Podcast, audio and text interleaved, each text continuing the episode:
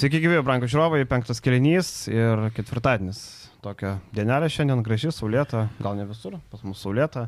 O vakar buvo toks trečiadienis, kur labai įdomus buvo ir Lietuvos klubai labai įdomiai sužaidė ir vakar dar prieš mėgą Manchester United su Lycu. Labai geras mačas buvo 0-2. Lyts, e, Manchesteris atsilikinėjo, bet sugebėjo išprieš lygesias. Tai Man tu Krasnicko linkėjimai gerai sukomentavo. Malodės. Šį kartą ne švediškas komentavimas. Ne, šį kartą man tas normalus. Dirba, taip, šį kartą labai gerai, tikrai kreditai jam. Uh, mes ką, šiandien turėsim klausimą atsakymą, bet prieš tai, aišku, būtų ne. Krasnis įsiterpsiu visada klauso. Jis iš karto praeitą kartą praėjo 3 valandos, Bats komentaras apie kažką, ką čia mes kalbėjom, parašo, tai klauso. Aš žinau, kad klauso, dėl to ir pertariu. Linkėjimas tikrai nenuės į niekur. Taip, tai va, tai Ir prašymas palaikinti ir pasubscribint bus. Labai gerai, labai gerai, vad būtent. Man tas įdomu, uždeda laiką ir subscribe, tegul parašo. Taip, ir vad jūs irgi paspauskit laiką, subscribinkit kanalą, mums ten iki 15 tūkstančių nebedaug liko, tai mm, gerai būtų vad vasarį pabaigti su 15. Valentino šiandien. dienos proga ir tai. Jo, Valentino dienos proga, vasario 16 proga, žodžiu, visom progom, kokias tik sugalvosit. Gerai, e, mes klausimus atsakinėsim po to. Dabar e, imam tos du mačius minėtus e, - Rytas Lietkabelis. Gerai, Rytas prieš Boną. E, tragiškai prasidėjo rungtynės, tuos vidas jau baltą rankšluostį norėjau mesti. Metai rankšluostį. Aš mečiau, pir, pirmam kelnį rašiau, metam baltą rankšluostį, ketvirtam kelnį parašau vyrai, jeigu esat arenoje, pake, pakelkite tą rankšluostį nuo grindų ir ketvirto kelnio pabaigoje gaila, gaila, kad teko parašyti, jeigu ne, nepakėlė, tai tegu ir guli. Bonas Telekom Basket ir daug labai buvo to hypo dėl Tomaso į salo, kaip žaidžia komanda, gal čia reikėjo žalgių rimti, bet aš vieną pasakysiu esminį dalyką. Tomaso į salo žaidimas yra viens prie vieno vien Albos žaidimas. Albos žaidimas veikia Vokietijos lygą ir veikia žemesniam lygiai, bet Eurolygos tai yra nepergalingas krepšinis. Ir jeigu Tomas Isalo taip žaistų Eurolygoje su tokio biudžeto komanda kaip Žalgeris, tu gali su realo biudžeto komanda Eurolygoje žaisti Albos žaidimą, bet su Žalgerio biudžetos komanda vargu. Tai vad nereikia užsihypinti ant Isalo, nereikia. Bet čia žinai, gal mes nežinom, gal treneris prisitaikytų prie... Bet jis žaidėjų, tokią filosofiją prie... pristatė, žinau, kokią jisai filosofiją pristatė ir jisai nenuės nuo savo filosofijos kaip Šaras, nenuės nuo savo filosofijos. Nenuėtų į savo, tai yra Albo žaidimas. Pažiūrėkit, Albo Vokietijos lygoje laimi titulų, šluoja visus, Barnas Eurolygoje yra gerokai sėkmingesnė komanda, bet negali laimėti Vokietijos lygos. Ten minkšta lyga, nėra tiek kontakto ir labai palanku tom polimo komandom. Tai vat, dėl to buvo ir ten. Man, man tik įdomu, kiek jo įtakos yra pačioje komplektacijoje komandos, nes žaidėjai, mano daug galva, atrasti geri. Tai va čia yra pliusas. Tai čia, žinai, ne faktas, kad jis žaisdamas Eurolygoje žaistų lygiai taip pačiai. Aš, aš sutinku su tavo mintim, kad toks, kad toks žaidimas ne, ne, ne, nėra turbūt pergalingas Eurolygoje su žalgerio biudžetu. Tai va. bet aš įsivaizduoju, kad treneris labai perspektyvus ir galintis pristaikyti. Treneris geras. Tik aš sakau, kad tą žaidimą, žinai, ir matėm. E, Bona pirmoji pusė rytas absoliučiai netėjo rungtynės, greitas polimas, nesugeba Radzevičius išnaudoti prieš Tydžiai Šortsą lygęs. Man iš vis Tydžiai Šortsas nepaliko jokio įspūdžio, man Jacksonas Cartwrightas e, tas pats lygiai, lygiai tas pats. Nematau. Man ne, man ne aš galiu paprieštarauti šiek tiek, nes man labai patiko jo situacija. Tu matai Jacksoną Cartwrightą Vokietijos lygoje? Vokietijos nemačiau, bet... A, o aš mačiau. mačiau. Aš mačiau Eurolygoje ir mes privačiuose pokalbiuose pokalbiuose tokius žaidėjus vadinam kitaip, aš dabar negaliu sakyti, aišku, bet man Šorsas kažkiek kitoks. Iš paraidės? Jo. Uh mhm. -huh. bet uh, čia nieko blogo, čia viskas taip, yra gerai. Taip, taip. Uh, bet uh, iš šorco aš supratau, kad žaidimo skaitimas šitam lygiai, čempionų lygos lygiai, aš pabrėžiu, ne kaip apie taip, žaidėją, taip. bet kuriam, yra elitinis. Ir žaidėjas, kuris yra nu, maksimaliai uždarytas, uždusintas, užspaustas. Labai gerai Normantas dirbo ketvirtam kelnyje, apie rytą dar pakalbėsim, aišku, čia irgi atskira tema. Normantas labai gerai pirmo kelnio pradžioje e, gynė šorcą, uždarė stiprią ranką, kairę ranką, priverstas eiti į dešinę, atakuoti kreivus metimus, kai tu eini į dešinę pusę ir metimi iš šuolio, de, meti iš šuolio dešinę ranką kažkaip krisdamas čia yra maksimaliai nepatogu ir Šorcas tokius metimus buvo priverstas įsimest, jis vėliau ėmėsi iniciatyvos, bet didžiąją rungtinių dalį labai gerai skaitė gynybą ir 12 asistų tą labai gerai pasako, labai tvarkingi nusimetimai, jis neforsavo daug tų metimų, vėliau jis bandė traukti ant savo kupros, ką aišku pasako apie ir jo metimai iš 25, tai čia yra absoliuti tragedija, antras blogiausias sezono mačas, bet uh, kaip apie intelektą žaidėjo, man visai neblogą įspūdį paliko. Bet ne Eurolygos materija toli gražu. Ko gero, ne, nu, sunku pasakyti dabar. Vėlgi, aštuonių galbūt minučių žaidėjas galintis įnešti energijos tam tikroje situacijoje, tam tikroje komandai, bet kas dėl pačių šitų rungtinių ir dėl jų pradžios, man kas labiausiai nepatiko ir kas labiausiai įstrigo, kad Ką kalbėjo Gedrius Žibėnas prieš rungtynės, kur buvo dėliojami akcentai, neįsileisti varžovų į baudos aikštelę, nes sutraukia ar nusimest, grįžti greitai prie savo krepšio, nes jiems reikia žaisti 5 prieš 5, kad nebūtų efektyvus. Viską, viską rytas darė blogai, kur buvo sudėti akcentai. Tai Faktas, kad treneris apie tai kalbėjo, apie tai kalbėjo viešai, tai tai žaidėjams buvo dedama į galvas ir prieš mačą, bet žaidėjai to neprisėmė. Ir iš ryto man tik vienas va, dalykas, kas galbūt nepatiko iš trenerių pusės. Aš būčiau pradėjęs rungtynės su Margariu Normantu, aš tą ir pažymiuosi parašiau, nes komanda turėjo šitas rungtynės eiti nuo gynybos, Margaris Normantas yra geriausiai besiginantis ryto žaidėjas ir kokį e, tu duosi impulsą rungtynių pradžioje, tu toliau ir nusineši visas rungtynės ir du kėlinius, e, rytas ir kapanojasi galvą virš vandens vos iškėlęs. Reikėjo pradėti su gynybiniu penketu, kur Margaris Normantas yra pagrindinis žmogus. Čia yra aišku mano nuomonė, treneris turėjo kitas idėjas, bet aš iškart pamatęs penketuką klausiu, kur yra Normantas. Turiu tokį, dabar priminėjai, turiu tokį vieną draugą, kuris kaip kepam šašlykus, sako, seniai būčiau prieš penkias minutės iš tavo apvertęs. O pasakymas, kad būčiau pradėjęs, žinok. nu, ne, nu aš iškart pamatęs. Tai tikrai ne, nėra tas atvejis, kad jo, po rungtynių čia dabar ne, prasidėjo mačas, sakau, kad nu Normantas turėjo būti penketą. Man labai keista, tu paminėjai kažkiek Šorsas, aišku, slepiant į gynyboje, į salą užmetį ant Radzevičiaus, tarsi ant žaidėjo, kuris per metrę turėtų mažiausią vaidmenį, bet mes žinom, kad rytai jisai, nu, būna rungtynių, kad tikrai nėra žaidėjas, kuris turi mažiausią didžiausią vaidmenį. Ir tu turi tokį absoliutų mismešą perimetre. Kodėl tu renkiesi tuos lengvus, kaip Kazys sako, pigius tritaškius, nes ryta žaidė ant to, pirmoji rungtinių pusė visiškai ant pigių tokių sprendimų, e, situacijų neieškojimo. Radzevičių dengia šorcas, tai čia aš nežinau, ar daugiau komentavimų reikia. Nieko, jokio draskymo, jokio įėjimo į vidų, jokios agresijos. Antro kelnio antroji pusė Bona turėjo, jeigu neklystų, dvi komandinės. O tai ko jam prasižengti, jeigu jie neturi, jam nereikia prasižengti, jie turi plus 20, niekas į vidų neina, o tai ko jam prasiženginėti? Jie komfortabilų savo minkštą gyvenimą gyvena ir rytas tą duoda. Ir tas Radzevičios pasakymas po rungtynių, kad paklausė jo, kodėl, ar nebuvo minties išnaudoti tave prieš šorcą.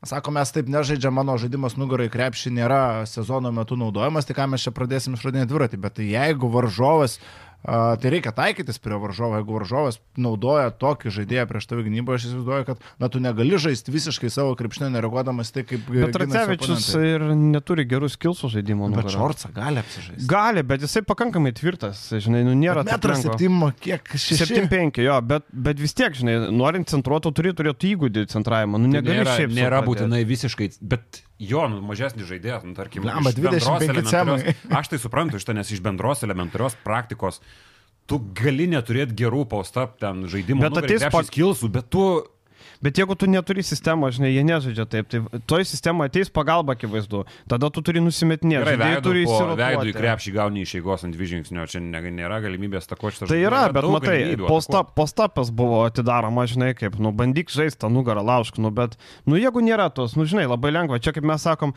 man patiko, kai e, praeitą sezoną vienoje LKL komandoje vienas treneris, e, tebūnė, nesakysiu, kas sako, mes perkam į žaidėją aukštą, nes centruosim prieš mažiukus ir per visą sezoną vieną situaciją žaidė tas aukštas žaidėjas prieš mažiukus. Nes jis sako, tai ką mes pirkom, nu tai galvoju panaudosiu, bet žinai, viena yra galvot panaudot, kita panaudot. Tai, nu, nėra skilso, nėra sistemos ir tu negali vienom rungtynėm. Iš dalies sutinku, kad Bona tikrai buvo pasiruošus tam ir buvo numačius, ką darysime, jeigu, slinks, jeigu jie pradėjo žaisti Paradzevičių ir ten būtų jie pagalbos, bet vis tiek, kai tu matai tokį pranašumą, nu norėtųsi. Beno prieš pisų irgi vakar galėjo teoriškai, bet nedarė to, nes neturi įgūdžių to. Nu, ir viskas gali pacentruoti, mes esame matę nugarą. Nu, bet čia jau baigėsi į koją, pataiko ir taip toliau. Uh, šiaip rytą reikia pagirti sugrįžimų, užparuotą charakterį. Uh, Džervisas Viljamsas nežaidė, ta rotacija labai maža, Liacko nėra, Lekūno nėra.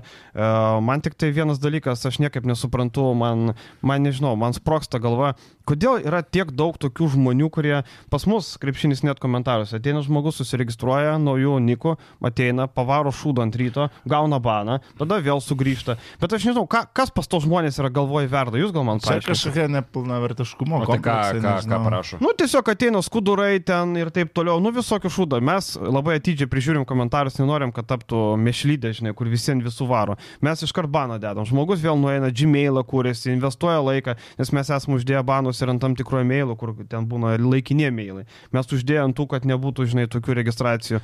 Bet žmonės vėl grįžta, vėl registruojas, vėl rašo, vėl gauna baną. Bet mes aš galvoju, šiek tiek prie, nuo šito esame išaugę. Čia jau būdavo prieš 15 metų. Bet vis tiek atsiranda. Komentarų skiltis tai būdavo tik tas ryto šūdas arba žalgiris šūdas. Taip, taip. Dabar pas mus ten tos diskusijos, nu, bent jau, kad tikrai tai kokybiškos. Tikrai verda kokybiškos ir yra žmonių, kurie rašo labai gerai pas mus. Čia, va, iš tą tikrai galima atkreipti dėmesį. Ir, ir aš net pamatai tą nikartų visada su malonumu skaitai mhm. komentarus. Tai tokių tikrai daug yra. Bet aišku, išlenda. Aš labai tikiuosi, kad ten yra tiesiog vaikai. Na, tai tada, aš tikiuosi. Nesmerkia. Tikiuosi. Bet jeigu tai yra 30 metų, 40 metų saugę vyrai, tai žmonės susimkit. aš tai kažkaip visiškai nekaltinu iš to situacijų žibėno, iš tos rungtynėse, bet aš... Dėl komentarų nekaltinu. Aš dėl komentarų irgi nekaltinu. Bet uh, aš labai daug nurašau ant žaidėjų pačių. Aš nesuvokiu. Top 16 etapas yra tas etapas čempionų lygoje, kai tu žaidži labai nedaug rungtynių. Nu, tarsi tas pats, kas ir grupės etapas, ta, ta, ta pati forma. Bet iš esmės uh, tu žaidži nedaug rungtynių, tau reikia visas rungtynės namie susimti ir tu žaidži taip, nukravėjusi rotaciją, suprantu, bet aš tai suprasčiau, jeigu kūro pristiktų, kaip kad man čia vasarą prie prienų likus e, visiškai ant gatvės. Tu važiavai iki tuščio bako? Važiavau iki tuščio grino bako. Šiaip labai. Musės zvimbė tik tai. Labai blogai. Ne, žinai, kas buvo? E, rodė kompas, kad dar liko 40 kg. Man čia savaitė. Ai. Man čia savaitė. čia reikia iki klaipatos ir atgal. Taip. Tik muziką reikia išjungti. Ir važiuoji ties tavo tėviškė ir ką tu galvoji, viskas baigėsi. Bet rodo, kad dar yra kūro. Nu, žodžiu, paaiškėjo, kad ten nebuvo kūro. Tai aš suprasčiau, kad rytui tai būtų tokia rotacija, viskas tvarkoja. Bet kaip tu gali mentaliai ateiti į tokias rungtynės? Taip nusiteikęs. Ir aš viską vedu į žaidėjus.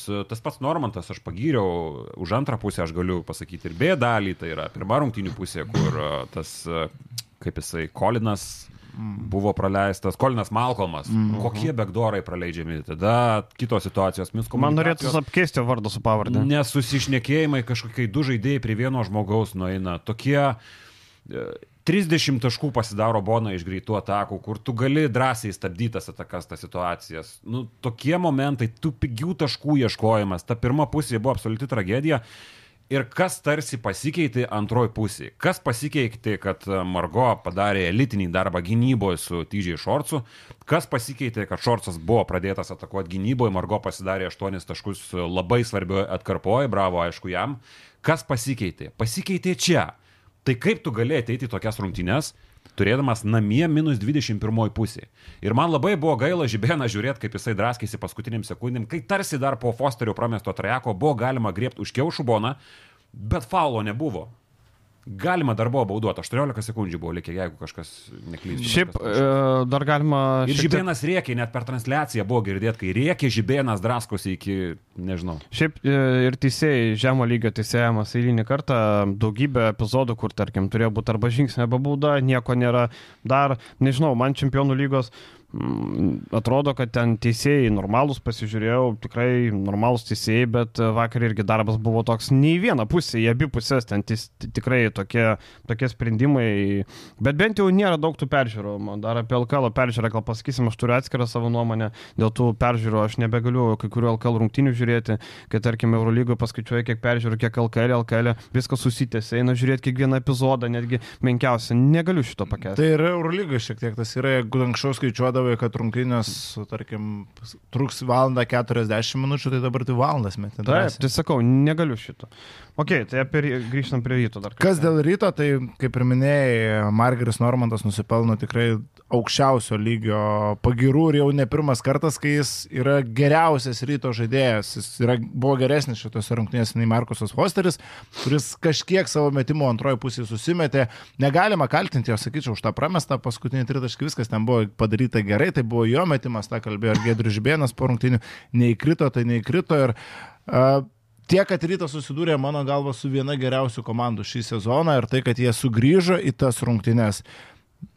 Yra pozityvas, bet uh, aš netikiu, kad pralaimėjus dabar namie rytas turi realias galimybės, tarkim, atsirevanšuoti išvyko, nors rungtynės tik po mėnesio, per mėnesį gali labai daug kas pasikeis, bet aš įsivaizduoju, kad vos už tom rungtynėm labai realu, jog ir slydo to aštuonio etapas. O apie gytimą siūlį tai blogai arba nieko, tai blogai gal nereikia, tai tada tiesiog nieko, palikim gytimą siūlį ramybei. Nu, klausyk, vakar taip, buvo labai taip, blogai. Taip, taip, taip, aš tą patį, ta prasme, tu jau rėk pradėjai. Ne, nes tu jau, aš galvoju, tu ne, ginsi vėl. Neginsi, aš tik ką norėjau pasakyti.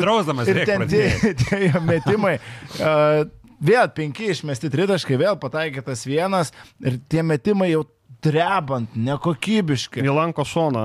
Tokie, kur, nu, ir laiko atrodo yra, jis turėdavo anksčiau greitą tą kamulio bent jau užsimetimą, dabar nespėja susistatyti kūno ir tu žiūri, nesupranti, kas atsitiko. Nu, ar Gytis Masiulis taip lietai išmestinėdavo, ar taip nesusistatydavo kūno anksčiau, nublembo, nu ne. Bet jeigu jis tą metimą kažkaip. Bet gal pakvies rinktinę vis tiek, nu gal vis tiek, reikia prieš Vambanijamą, kad kas nors pastovėtų, ar nereikia. Bet nėra tokio ketvirto, penkto. Tikrai Kemzūrą arba Minėtą arba Masiulį pakvies. Tu sakyk, ką nori. Bet... Kada sąrašas turi būti pirmadienį? Nu, turbūt, arba gal rytoj. Labai užpikt, užpiktint žmonės, jeigu Masiulį pakvies. Tai vakar kas dėjosi, nes... kai aš parašiau tekstą komentas, nežiūrėsiu rinkinės, jeigu bus Masiulis. Nu tikrai Masiulis tokio žaidimo nenusipelno būti langų rinktiniai. Tegu jisai geriau, vat, jam į naudą būtų palsė dabar, vat langas, palsėt, išvažiuoti prie jūros, taip, jo, taip, taip. kažkaip nubiškiai atsitrauk nuo to, nes nuvažiuosi rinktinę, vėl gausi penkias minutės dar vieną štangą. Jam dar įkraus, kaip, no. ar, kaip ar Arlauska Osbornas idėja. Ir... Mhm. Arba kaip vakar papanikolavau su grūdo gerą. jo, jo. Gerai, apie rytą turbūt tiek, neeinam prie Lietkabelio. Lietkabelis vakar nugalėjo Venecijos komandą, kuri buvo vadovavimo laikinojo trenerio. E, Nevinas Pagija jau pasirašė sutartį, bet dar nespėjo atvažiuoti. E, atrodė pirmoji daly, bent jau trečiam kilny Venecija perėmė iniciatyvą, um, Votas, Vilisas, pirmoji dalis iš vis dėjimų šou buvo, kiek eina tiek dėjimas po dėjimo, labai gerai juokavo Grajauskas su Kazlauskas, sako, mes per petruką pasidarysim lapus ir vertinsim dėjimus, kaip per dėjimo konkursą 10-9 balai. Tai maždaug taip ir galima buvo daryti realiai, bet Lietkabelis ketvirtam keliniui įsikapstė ir čia reikia, ir aš turiu vieną kintamąjį, kas pasikeitė. Aš turiu memsą, nežaidė. Memsą mintys apie Lietkabelio žaidimą. Kokį? Kur būna tas Lietkabelis LKL ir tas liūtukas mielas kačiukas, mm -hmm. ir kur Lietkabelis Europos taurėje liūtas. Arba tas, kur su akiniais nedamato, ten tipo kačiukas, užsiemo ten liūtas. Ja, ja. Tai Morelikas kažkokią traumą patyrė ir nežaidė antrojo daly apskritai, jam ten masažavo koją ir Lietkabelis be Oreliko įsikapstė. Aš nesakau, kad Orelikas... Orelikas aš tai galvoju, kad tu sakysi, kad Stefan Peno nedaug žaidė. Ne, Stefan Peno tai Stefan Peno, bet aš sakau, kad tarkim atvyko su Oreliku, Lietkabelio žaidimas e, LKL e pralaimėjimas po pralaimėjimo. Orelikas žaidė gerai, bet tai nebuvo pergalingas krepšinis. Aš... aš vėl nesakau, kad Orelikas yra blogas žaidėjas, kad blogai. Tik sakau, kad Lietkabelis įsikapstė be Oreliko ir čia geras ženklas. Paprastesnis, aišku, geras ženklas, paprastesnis dalykas, tarkim, Klužo Napokoj. Džemelas Morisas išsimetė gerus metimus iš trijų taškų zonos. Jie buvo kokybiški, lygiai tokie patys kaip šitose rungtynėse. Temberots 0 iš iš 7 ar 0 iš 6, čia 6 iš 7. Ir va, tu paaiškink man tokį dalyką. Vienose rungtynėse Na, yra plus 18 taškų, kitose tai yra 0 taškų ir 18 taškų skirtumas iš vieno žaidėjo, ar jis pataiko ar ne, nu tai yra beprotiškai daug. Paskutinė ataka šiaip buvo... Uh, buvo du taimautai paskutinė atakai, bet paskutinė ataka buvo negyva. Išėjo, praminkė kamalį ir Morisas, nu, sakykime, paprastai metė nesąmonę. Tai buvo labai tolimas metimas, atžengo žingsnelį šoną, žaidėjas kontestino, tai buvo, bet pataikė, tai šlovė Morisui be abejo įspūdingas pasirodymas. Ar mes galime jau dabar sakyti, kad Nikola Popovičius yra geriau vis dėlto už Beną Griciūną? For sure geriau, be abejo, kad geriau. Nikola Popovičius sugeba baudos aikštelį pasistumti, įmesti turi raumenų, Griciūnas arba du prieš du arba nieko. Ir Popovičius, kaip ir iškart kalbėjome, yra koordinuotas žaidėjas, čia yra labai didelis pliusas. Gal rankos leidžiasi... tokios šiek tiek medinės, bet šiaip bet koordinacijos darbas taip, leidžiasi, taip. užsieima padėtis du prieš du, man, man, man patinka, kaip jisai atrodo ir gynybo irgi gali stepauti gynybės, jis ir būtina lietkabelį. Stepauti, jeigu ten, nežinau, atvežtų Vylius vidurio polio poziciją, vis tiek stepauti lieptų daryti. Jo, man blogai būtų stepauti labai daryti. Vis tiek sakytų, turi daryti. Tokio pilvukų, žinok, labai blogai. Uh, tai nes... pas Gagičių didesnis? Pas Gagičių gal didesnis. Kaip Šiaip... sakydavo, kiek Vilka bešersi, pas Dramblį vis tiek didesnis. Taip, taip, buvo sakydavo. Moriso tai visiškai nesąmonė, nemeta jis tokių metimų niekada šitą sezoną, ir, ir, ir, bet gerai įsitraukė. Aš tai lyginu su vagystė šitų rungtynių, nes Ta? absoliučiai dominavo Venecija, žaidė geresnės rungtynės, Lietkablis buvo labai pilkas, labai niurus. Labai Derekas Vilisas man vis dar patinka po Badalonos, patinka jis ir dabar. Man Eurolygos materija. Eurolygos materija ir pavyzdžiui, žaidėjas turi gebėjimą mesti tritaškį, turi nuo dienos priklauso, gali net po keturis užtaikyti, po tris, aišku, nėra tas geras metikas, nėra jis kažkoks Eimantas Bendžius ketvirtoje pozicijoje, bet, nu, jis pamatė, kad prieš jį Paulius Murauskas. Jis ir kapoja, vanoja tiesiog baudos aikštelį, žaidžia solidžiai, žaidžia savo metimų, žaidžia iki galo, tai labai patiko šitas žaidėjas ir apskritai Venecija tikrai sužaidė geresnės rungtynės už Lietkabelį, bet, nu, vagystė visiškai. Šiaip gražinta vagystė, nes Venecijoje Lietkabelį žaidė jo, geriau ir turėjo laimėtas rungtynės, tai čia tiesiog... Karma grįžo, ne? Apsikeitė. Pagaliau. Šiaip, šiaip Lietkabelio reikia tikėtis, kad Turelikas gyvas, nes KMT laukia kitą savaitę, tai be Aureliko iš vis, žinai, būtų reikalų. Ir mes padarėm klausimus ir mačiau, kad mūsų labai nemažai klausimų buvo apie, nu, iš niurios pusės apie Lietkabelį. Tai dabar tas fonas biškai gal keičiasi. Jo, nu gal kažkiek. LKL tas fonas vis dar labai liūdnas. Aš galvoju, kad Čanakas iškeistų e, vieną, manau, kad Čanakas iškeistų dvi iš trijų pergalių Eurocapė į pergalę prieš Šiaulius ir Neptūną. Arba prieš prienus. Muka Eurocapas tau pakeis. LKL tu ketvirtfinalį no. gausi e, Vulsus ir rūkysi žąsį, kaip sakant. Rūkyti žąsį? Rūkyti no. rūkyti žąsį. Rūkyti žąsis būna. Ai. Bet sudėtinga žąsį išrūkyti, nes sausa mėsa, bet skanu šiaip. No. A, o, o ne visai sutinku, aš galvoju, kad Europos tauriai Lietkabelis dar prieš porą turų nebuvo ramus dėl patekimo į kitą etapą, o LKL Vakar aš devitą pralaimėjau. Aš netikiu, kad jie liks šešti, o lik tarp penktiem ar ketvirtiem nėra didelio skirtumo. Nu, žiūrint, ką tu gausi. Tai Juventusą turbūt. Aš sakyčiau, gal Juventusą, bet čia aišku tolimas, tolimas labai šalis tai į priekį, bet uh, iš šeštos vietos tu faktas, kad gausi arba Vulsus, arba Rytą, nu, žiūrėkim realiai, ketvirtą arba penktą, jau nėra didelio skirtumo, jau tu išvengi, jau tu išvengi Vulsus. Iki dviejų pergalių. Išvengi ir su namų deficitu iki dviejų pergalių, Taip, tarkim, Juve turi namų pranašumą. Išvengti Vulsų, Ryto ir Žalgirio, Lietkabelio ir šitos komandos taip pat irgi nenorėtų Lietkabelio ketvirtfinalį. Vakar išskirtinė statistikos kategorija Lipkevičius žaidė 29 minutės, metė vieną kartą į krepšį ir liko su 0 taškų. Tai matom, vat, kapitonas buvo ta diena, sako, kiti metai aš nemėsiu, viskas gerai, gynyboje solidžiai dirbo, savo reikalus padarė ir per 29 minutės vienas metimas. Tai, tai kai komanda pelno 87 tai, taškus, taškų netrukus trūko. Gynyboje reikėjo, tai kaip sakant. Nėra taip, kad e, tokia labai ironija galvoj piešiasi, kad e, patikimiausiai su kamulio atrodantis lietkabelio žaidėjas e, yra nulį rezultatyvių perdavimų atliekantis Morisas.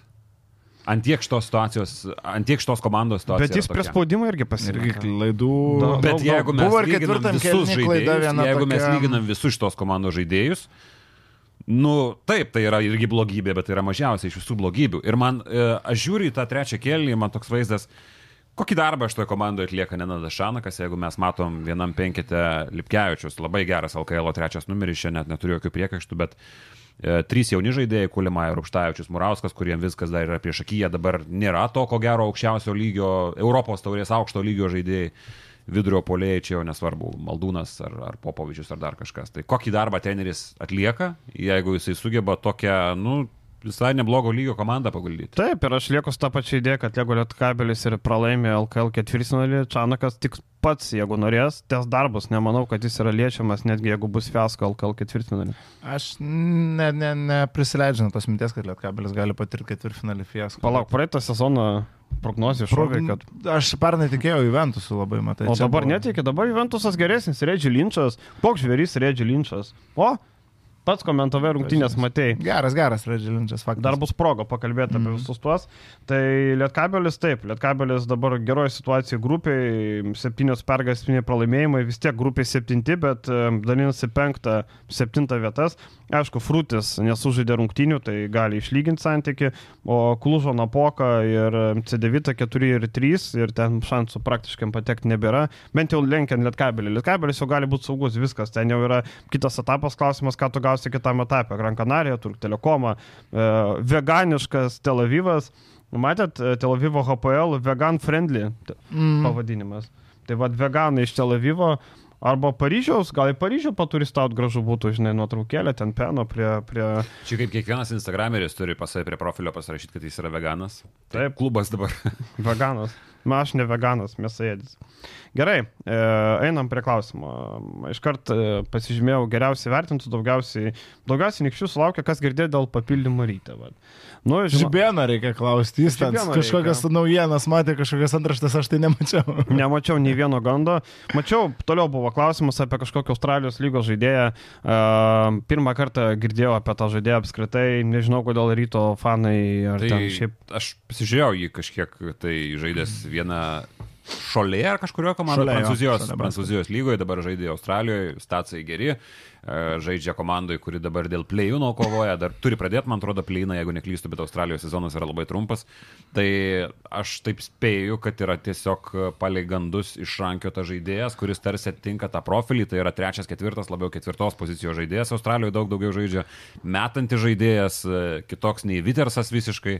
Bet, nu, Vitersas Džylygoje žaidžia? Tiesiog jo, bet čia tiesiog šovimas į tyrus kažkoks. Hogas irgi žaidė Džylygoje. Mm. Aš tai galvoju, gal Instagram'e laiką kokį numetė ar pafollowino rytą, nes pastaruoju metu... Žinok, taip... jeigu būtų pafollowinę, tikrai būtų parašę, žiūrėk, seka rytą, tai būtų šitas. Nes, žaidė, taip, taip, išriša dabar. Žaidė dar geram univerė kartu su Nybau ir su Robertu Williamsu iš dabar pagrindinių Celtics centrų. Nu, kokį researchą padarė. Bet šiaip būtų geras, jei pataikytų. Šiaip tas dyginimas, žinai, pavyzdžiui, vakar gavau naujieną, kad garždai pasirašo gynėją iš Kosovo lygos pavardė pavardės nežino, žinai, iš Kosovo mhm. lygos gynėjas amerikietis. Atsidarau status Kosovo lygos top 10 rezultatyviausių visi gynėjai. Tai dabar šauktų į kokį tik tai nori. Žinai, nu tai čia, žinai, tokie. Aš taip iš Virgio, Virgio užuomino esu iškasęs žaidėją apie Turk, Turkiją, amerikietį kažkokį žaidėją. Lemma, Virgis užuom... tai yra blogiausiai užuominas duodantis žmogus, kuris, nes... kuris nori kažką dar nuslėpti. Ai, ai, ai, sako, atsimenu, čia tokį e, Turkijoje, žiūrim ketvirtą amerikoną, blemais ten dugne žaidžia, bet gerų status, atsidarau dvi paskutinės komandas, aha, ketvirtas amerikietis. Kas ten toks buvo? Lemma, žinok, nepasakysiu, bet maždaug už researchas užtruko minutę rasti. Jo. Tai va, tai apie rytų papildymą, ten dar buvo klausimas, Žibėnas sako, kad e, kažkas nenori komandai žaisti, gal norim žaidėjo, kuris norėtų komandą, gal Lekūnas nenori, ar Masiulis. Aš tai nemanau, kad kas nors nenori. Aš nu, jo pabaigiau. Nes Lekūnui tai čia gyvenimo šansas, kaip jisai gali nenorėti ryte būti, jis gyvenime nebeprisilies prie tokios komandos, tai net nematau jokių klausimų. Aš tai matau iš tą sakinį tik tai dėl to, kad uh, ieško žaidėjo, kuris nori būti komandoje, tai yra, kad jis norėtų, o ne su užuomina, kad mm -hmm. kažkas nenori iš dabartinių žaidėjų. Man tai taip atrodo. Aš irgi supratau, viskas, Vilius, su Fosteriu daugiau ar mažiau viskas ten jau yra aišku. Mm. Visi žinom jo situaciją, Žibėnas, aišku, žinau dar geriau. Kas daugiau nega, nenori, gali nenorėti būti šitoje komandoje. Džarvičiai yra irgi nu, pagal Džarvį aš manau, kad čia yra gera karjera. Pagal Jurgį ir Kepurę. Pagal Jurgį ir Kepurę. Tai aš manau, kad čia tiesiog, tiesiog orientacija žaidėja, kuris kad... nenorėtų Taip. stacijų kaip Hamiltonas kažkoks juvi. Norėjimas buvo, motivuoto žaidėjo, kuris nori žaisti e, komandai, o ne savo, kaip Vilius ir pasakė, aš irgi lygiai taip pat. Nes rytas ten dygino šiaip e, kelis iš džilygos žaidėjus, bet ir ten rytas šiaip pinigų turi jam. Aš girdėjau, kad ten per vieną mėnesį buvo pasiūlymas net 13 tūkstančių, 14, 15, ko laikas bėga, to ta suma didėja. Tik tai iš tų džilygos žaidėjo reikia, yra vienas dalykas, jeigu nori pasirašyti pasirašyti G-lygos žaidėją, kuris turi kontraktą, tu turi arba sumokėti iš karto išpirką ten 20-30 štukų, arba tu turi laukti 14 dienų, kol jisai pabus free agentų ir tada galės pasirašyti. Tai jeigu palaukti 14 dienų, kaip ir galima, daug laiko praėjo, bet ne visi matyt nori, tai čia tokie va, yra niuansai. Dabar reikia kitų top 16 rungtynių mėnesis laiko. Čia vėl FIBOS bairė. Nu, gerai, aš labai tikiuosi, kad tas naujokas bus vis tik, nes man jis jau dabar atrodo labai vėluotas. Gerai, tu pasėmė naujoką, KMT kada? Tuoj, už dviejų savaičių. Kitą savaitę. E, čempionų lygos lieka tik tai antras ratas, kur jau dabar rytų jau darosi sunku ir striuka šiaip jau, nes lieka du išvykos mačai. Reikia vienas, man resą pasimti didesnių skirtumų, nei buvo gauta. Jo, ir vienas išvyko, tai jau čia striuka, tai tas keitimas, jis jau bus pavėluotas, o koks jis bus dar pamatysim, ar tik nereikės kelt klausimo, kai jokio naujoko nebus, kur šaibos dingo. Mm, tai gal skolas bent sumažins. Kitas klausimas sulaukęs daug, patiktukų. uh, Sveiki, kaip manot, ar neskamba blogai, kai Maksytis sako, kad reikia laisvų dienų, tačiau LKL jaunimo nenaudoja, e, kad pailsim žaidėjus prieš Eurolygą. Ar kas nors supyktų, jei pralaimėta būtų Vilkam, kai vietoj Dimšų, Sulanovo, Butkevičius bėgiotų Kublickas, Lelevičius ar e,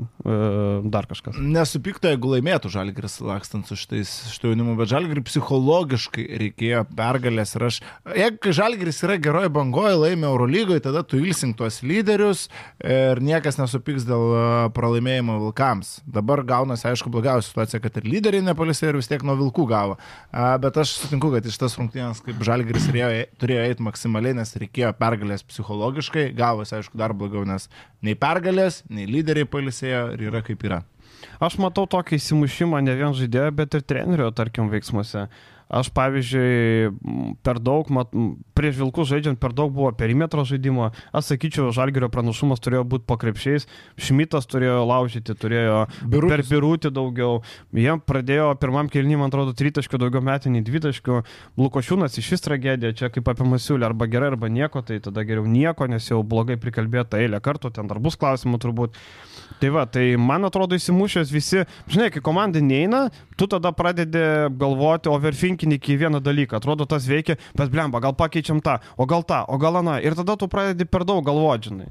Taip, Žalgiris šį sezoną LKL turi pakankam, jeigu pernai Žalgiris tikrai buvo toks, koks ir finišavo, tai yra trečioje LKL vietoje, tai šiemet tai yra tiesiog dobė ir iš jos aš įsivaizduoju, kad Žalgiris to išlips, nes turi tiesiog per daug ginklų per iš LKL klubus. Tas pats Laurinas Birutis, mes matėm, LKL lygių yra sunkiai sustabdomas aukštūgis kitoms komandoms, net ir toms top 4 komandoms - Rytui, Vilkams, Juventusui, Laurinas, nu gal Juventusas didžiausią atsvarą dabar turi su Redži Linčiu, bet iš esmės Laurinas Birutis yra faktorius čia. Nekalbu aš apie Igno Brasdeikio vienas prieš vieną žaidimą ir Žalgiris turi tiesiog per daug ginklų, kad striktų LKL. Taip, gerai, galim toliau eiti, ar ne? Sako, iki kelių metų skaitosi jaunas žaidėjas ir perspektyvus, o kokio galima vadinti veteranais, nes per LKL transliaciją vadina 26 metų žaidėją jaunu, 31 žaidėją jo veteranu. Prieš ležas 26 metų žaidėją vadina jaunu, man atrodo. Man jaunas yra 21, 22, viskas. Bet jaunas ir perspektyvus aš dar šiek tiek kitaip suprantu, tarkim. Uh... Realiai 30 metų žmogus jaunas, bet krepšinį ne. Taip, bet uh, Žinai, aš kaip, kai sakai, kad perspektyvos, tarkim, yra kilt, nu, tai ir 27 metų žaidėjas būna patobulėję, 25 metų žaidėjas būna. Bet jis nebėra perspektyvus. Ne, jis nebėra perspektyvus, bet jis tobulėja. Tarkim, jeigu tu uždėsi, kad jau veteranas status arba subrendęs žaidėjas, tai aliai. Na nu, taip, pala, pasakykit savo amžius. Gerai, tavo per, per, perspektyvus žaidėjas jaunas, kiek metų? Iki 23, tarkim. O veteranas nuo kiek? Nuo 33 kokių.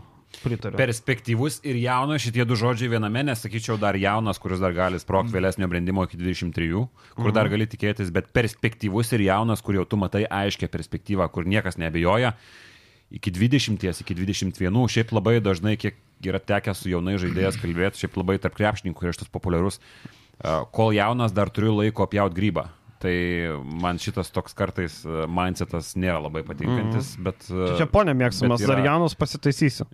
Jo, bet labai, bet labai mėgstantis, mėgstamas, a, čia pas mane dar rezervas, dar jaunas pačių žaidėjų kartais būna toks, tai mhm. šitas nėra toks, man atrodo. Bet aš suprantu tą motyvą, kad, tarkim, 25 metų žaidėjas, tarkim, žaidžia Europos taurį ir tu sakai, kad jis yra perspektyvus kilti į Eurolygą, nes jam jau trūksta daug, jeigu jis žaidžia, žinai, LKL dugniai komandai, tai tai ne, jis nėra perspektyvus gal... Eurolygai žaisti. Bet Taip jeigu kalbame apie tą žingsnio žengimą, tai jis tos perspektyvos tam žingsniui turi. Tarkim, Paulius Valinskas šiuo metu yra perspektyvus žaidėjas žaisti Eurolygoje. Ar tai yra blogas pasakymas? Ne, aš dabar prisiminiau vieną iš kišenės ištrauksiu, atsimenu, Žydrūnas Stankus toks buvo krepšininkas, prisimenat.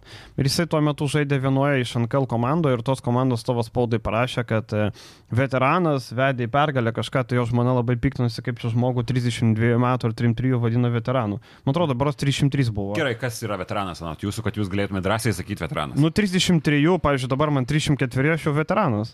Aš manau, kad 34 aš jau sakyčiau, kad veteranas. Taip, tarkim, Gecevičius. Gecevičius 304, tikrai veteranas. Taip, taip, taip. Šiaip labai, vad kaip tik apie Štrimikytę kalbėjom, prisiminiau irgi dar vieną pasakymą jos, kur kažkada kalbėjomės prieš kelis metus, labai įstrigo jos citata, kad jauna žaidėja, šiuo, šiuo atveju apie moteris, aš kalbėjau, 18 metų.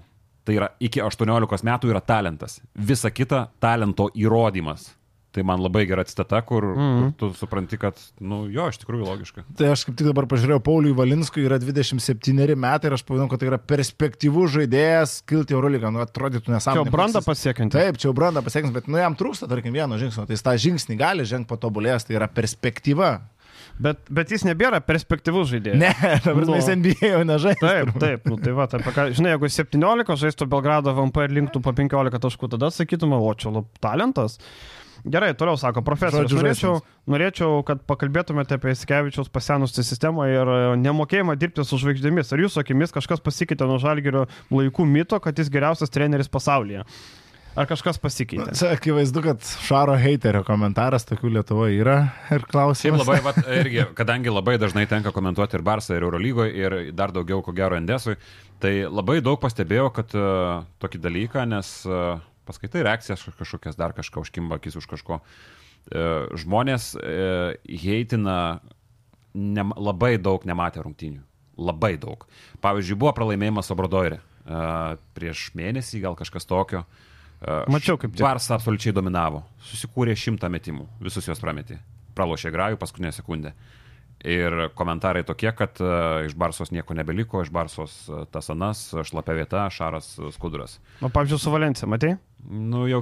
Teisėjai prigrybavo jo aptojimą. Labai, labai. Jo, labai ir Valencija net skundą parašė. Teisėjai Barsos naudai grybavo, o papa, tralelė. Tai va, ką aš noriu pasakyti, aš nenoriu pasakyti, kad Barsas žaidžia gerai ir viskas remiasi tik tai žaidėjus. Ne, bet labai dažnai tas heitas eina ant to, mhm. kai pasiskaitai ir žmonės nebūna matę mačo tuo metu. Nes, nu, aišku, kai žiūrės ten pusė dviejų, Barsa, Bradoiras ar dar kažkas. Uh, kita vertus. Nu, kodėl kas nors iš Valtuko pitskę paima? Žmonės žiūri labai daug krepšinio, ta prasme. Jo, žiūri visokių. Kiek aiškinausi, tai... Vat pasako kažkada, man atrodo, kad Endesa žiauriai gerai eina Estijoje. Žiauriai gerai. Nu, ten Aš aišku yra Lietuvoje. Baskonija pirmoje vietoje, kadangi Raistė su. Kotsaru yra, bet, nu, šiaip jau Estijoje labai dažnai žiūri Endesa. Tai sakė, Lietuvoje... tūkstantis estų atvažiuoja į Kauną. Netgi daugiau, man. Tūkstantis, sakė, tūkstantis. vakarytis per transliaciją sakė tūkstantis. Tai gal ir daugiau, bet šiaip įspūdingas skaičius. Mm. Jo, nes ten uh, krepšinių hypas ant, būtent ant Baskonijos yra labai didelis. Bet ką aš noriu pasakyti, Barsa visiškai underperformina, čia yra faktas. Ta prasme, koks šitos komandos žaidimas, kokia yra kančia, man tai yra viena iš žaidimo stiliaus pusės viena neįdomiausių komandų Eurolygo. Ir tai yra faktas, mes turim kalbėti, ar Šaras nemoka dirbti su žvaigždėm, kas yra dirbti, ar tai yra psichologinis darbas, ar tai yra strateginis sustatymas. Aš nemanau, kad jisai psichologiškai nemoka dirbti su žvaigždėm. Aš nemanau. Aš galvoju, kad Barcelonos problema šiuo metu yra Nikola Mirotičius. Mes dabar. Kaip tik buvo klausimas, kas jam atsitiko. Hmm. Man atrodo, kad žaidžiama šiek tiek yra per daug per jį ir tarkim buvo rungtynė su Tel Avivo Makabi Berots, kurias laimėjo Barsa. E, ir ketvirtam kelniui Corey Higginsas visas rungtynės pjovės grybą, pasiemė kamolį ir pradėjo žaisti nuo gynėjų, nuo Corey Higginso, ne per Mirotičiaus paustapą, ne per dar kažką, o per Corey Higginsą, per Laprojutalą ir Barsą pasiemė tas rungtynės, bet kai tu kiekvieną ataką bandai įtraukti Mirotičių, kuris e, apart savo tritaškų šiuo metu iš, iš užtvaros, iš pagavimo daugiau nelabai ką tau pasiūlo, tai mes turim tokį rezultatą, kad Barsa yra toli gražu nuo savo rezultato. Ir aš galvoju, kad Barsai yra kančia turėti brangiausią ir geriausią savo žaidėją ketvirtos pozicijos. Bet čia Bet, labai aišku. Olimpiakosas turi Sašą, sugeba gerą žaidimą žaisti su Saša. Irgi ketvirtos pozicijos žaidėjas.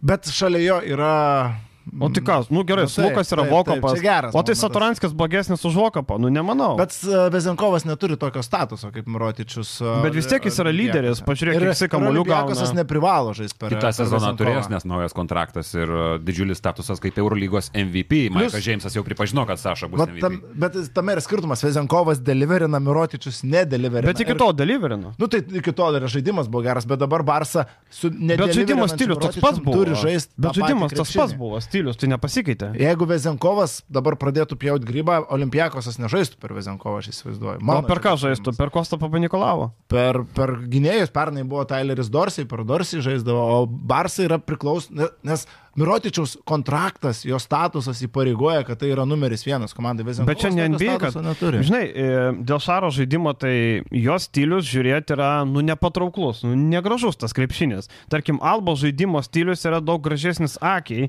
negu Barcelonos. O bet... čia paskutinė Eurolygos komanda. Taip, yra ironiška. Labai. Taip, tai va, tai mums tiesiog, nežinau, mes gal įpratom, kad tos vedančios komandos žaidžia daug gražiau. Pavyzdžiui, Olimpiakosas irgi nėra simpatiškas super, bet jinai žaidžia daug gražiau negu Barsa.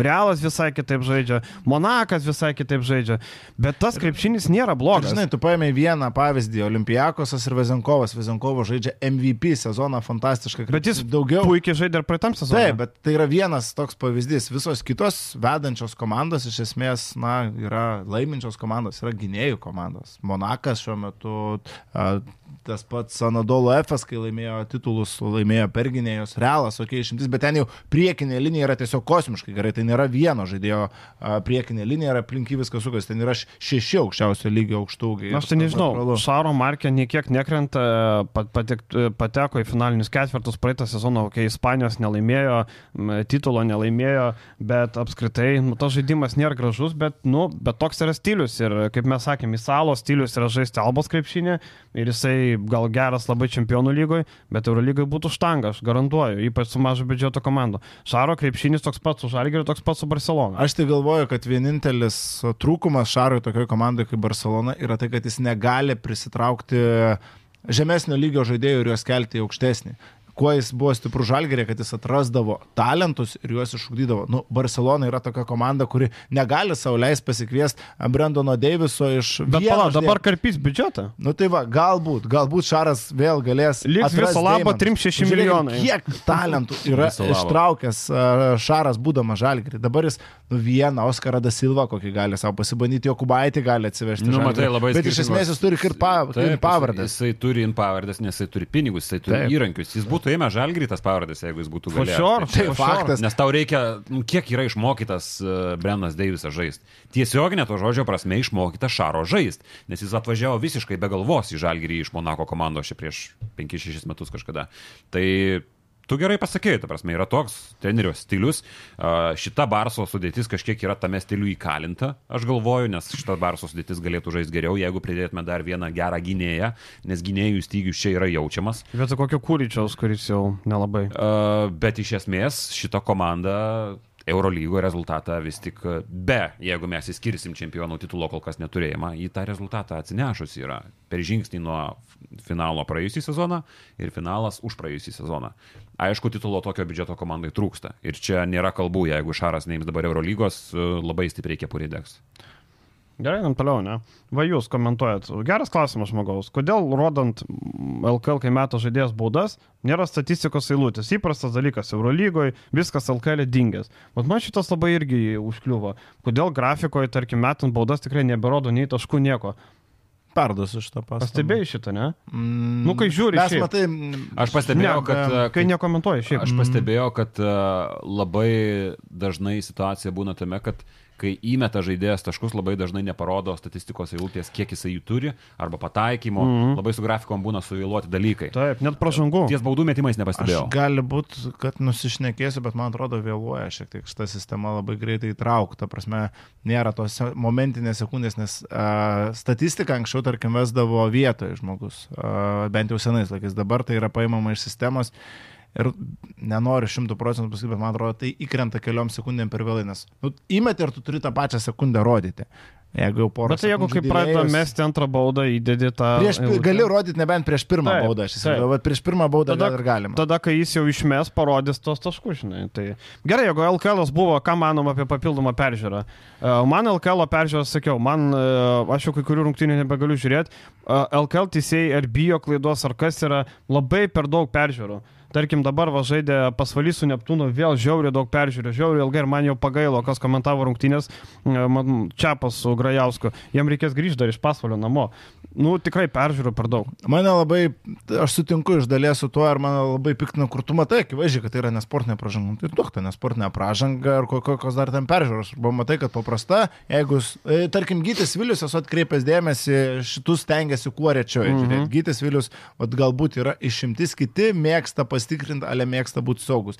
Nes netgi buvo per tą rubriką, kai Maikas būna prisektas, sako, tai neįsit pasižiūrėti, kad nes man sako, naudok challenge, jeigu nori. Nu. Kažkuriam. Na, nu, aišku, man labai... jeigu, jeigu norit, kad peržiūrėtum, aš mačiau, kad tai buvo paprasta pažanga, jeigu jūs norit, kad aš pasižiūrėčiau, naudokit čia. Labai daug tokių momentų, kurie yra jo nieko neprašyti peržiūrimai. Tai va šitoje vietoje labai kliuvo šitas dalykas, kad teisėjai biški labiau galėtų pasitikėti savimi, jo labiau, kai jeigu treneris dar nelipo iki tos situacijos ant tavęs, neprašo ar, ar galų. Bet tas lipimas jau peržengia ribas, Taip. mes jau sakėm, ten Taip. jau peržengia ribas, žinok. Arba galų galę neina, ne, ne, neįma challenge dar, bet šiaip Ispanijoje dar yra vienas uh, geras dalykas. Man jis nekrenta visiškai akis, uh, gal kažkiek rungtynės minučių prasme ir užsitėse, bet ten su peržiūrom tikrai nežaidžia. E, tai pavyzdžiui yra ta situacija, kai pasiemi challenge ir jeigu tu esi teisus, tau challenge'as nesudega. Tu vis dar turi du nes po du yra challenge'us.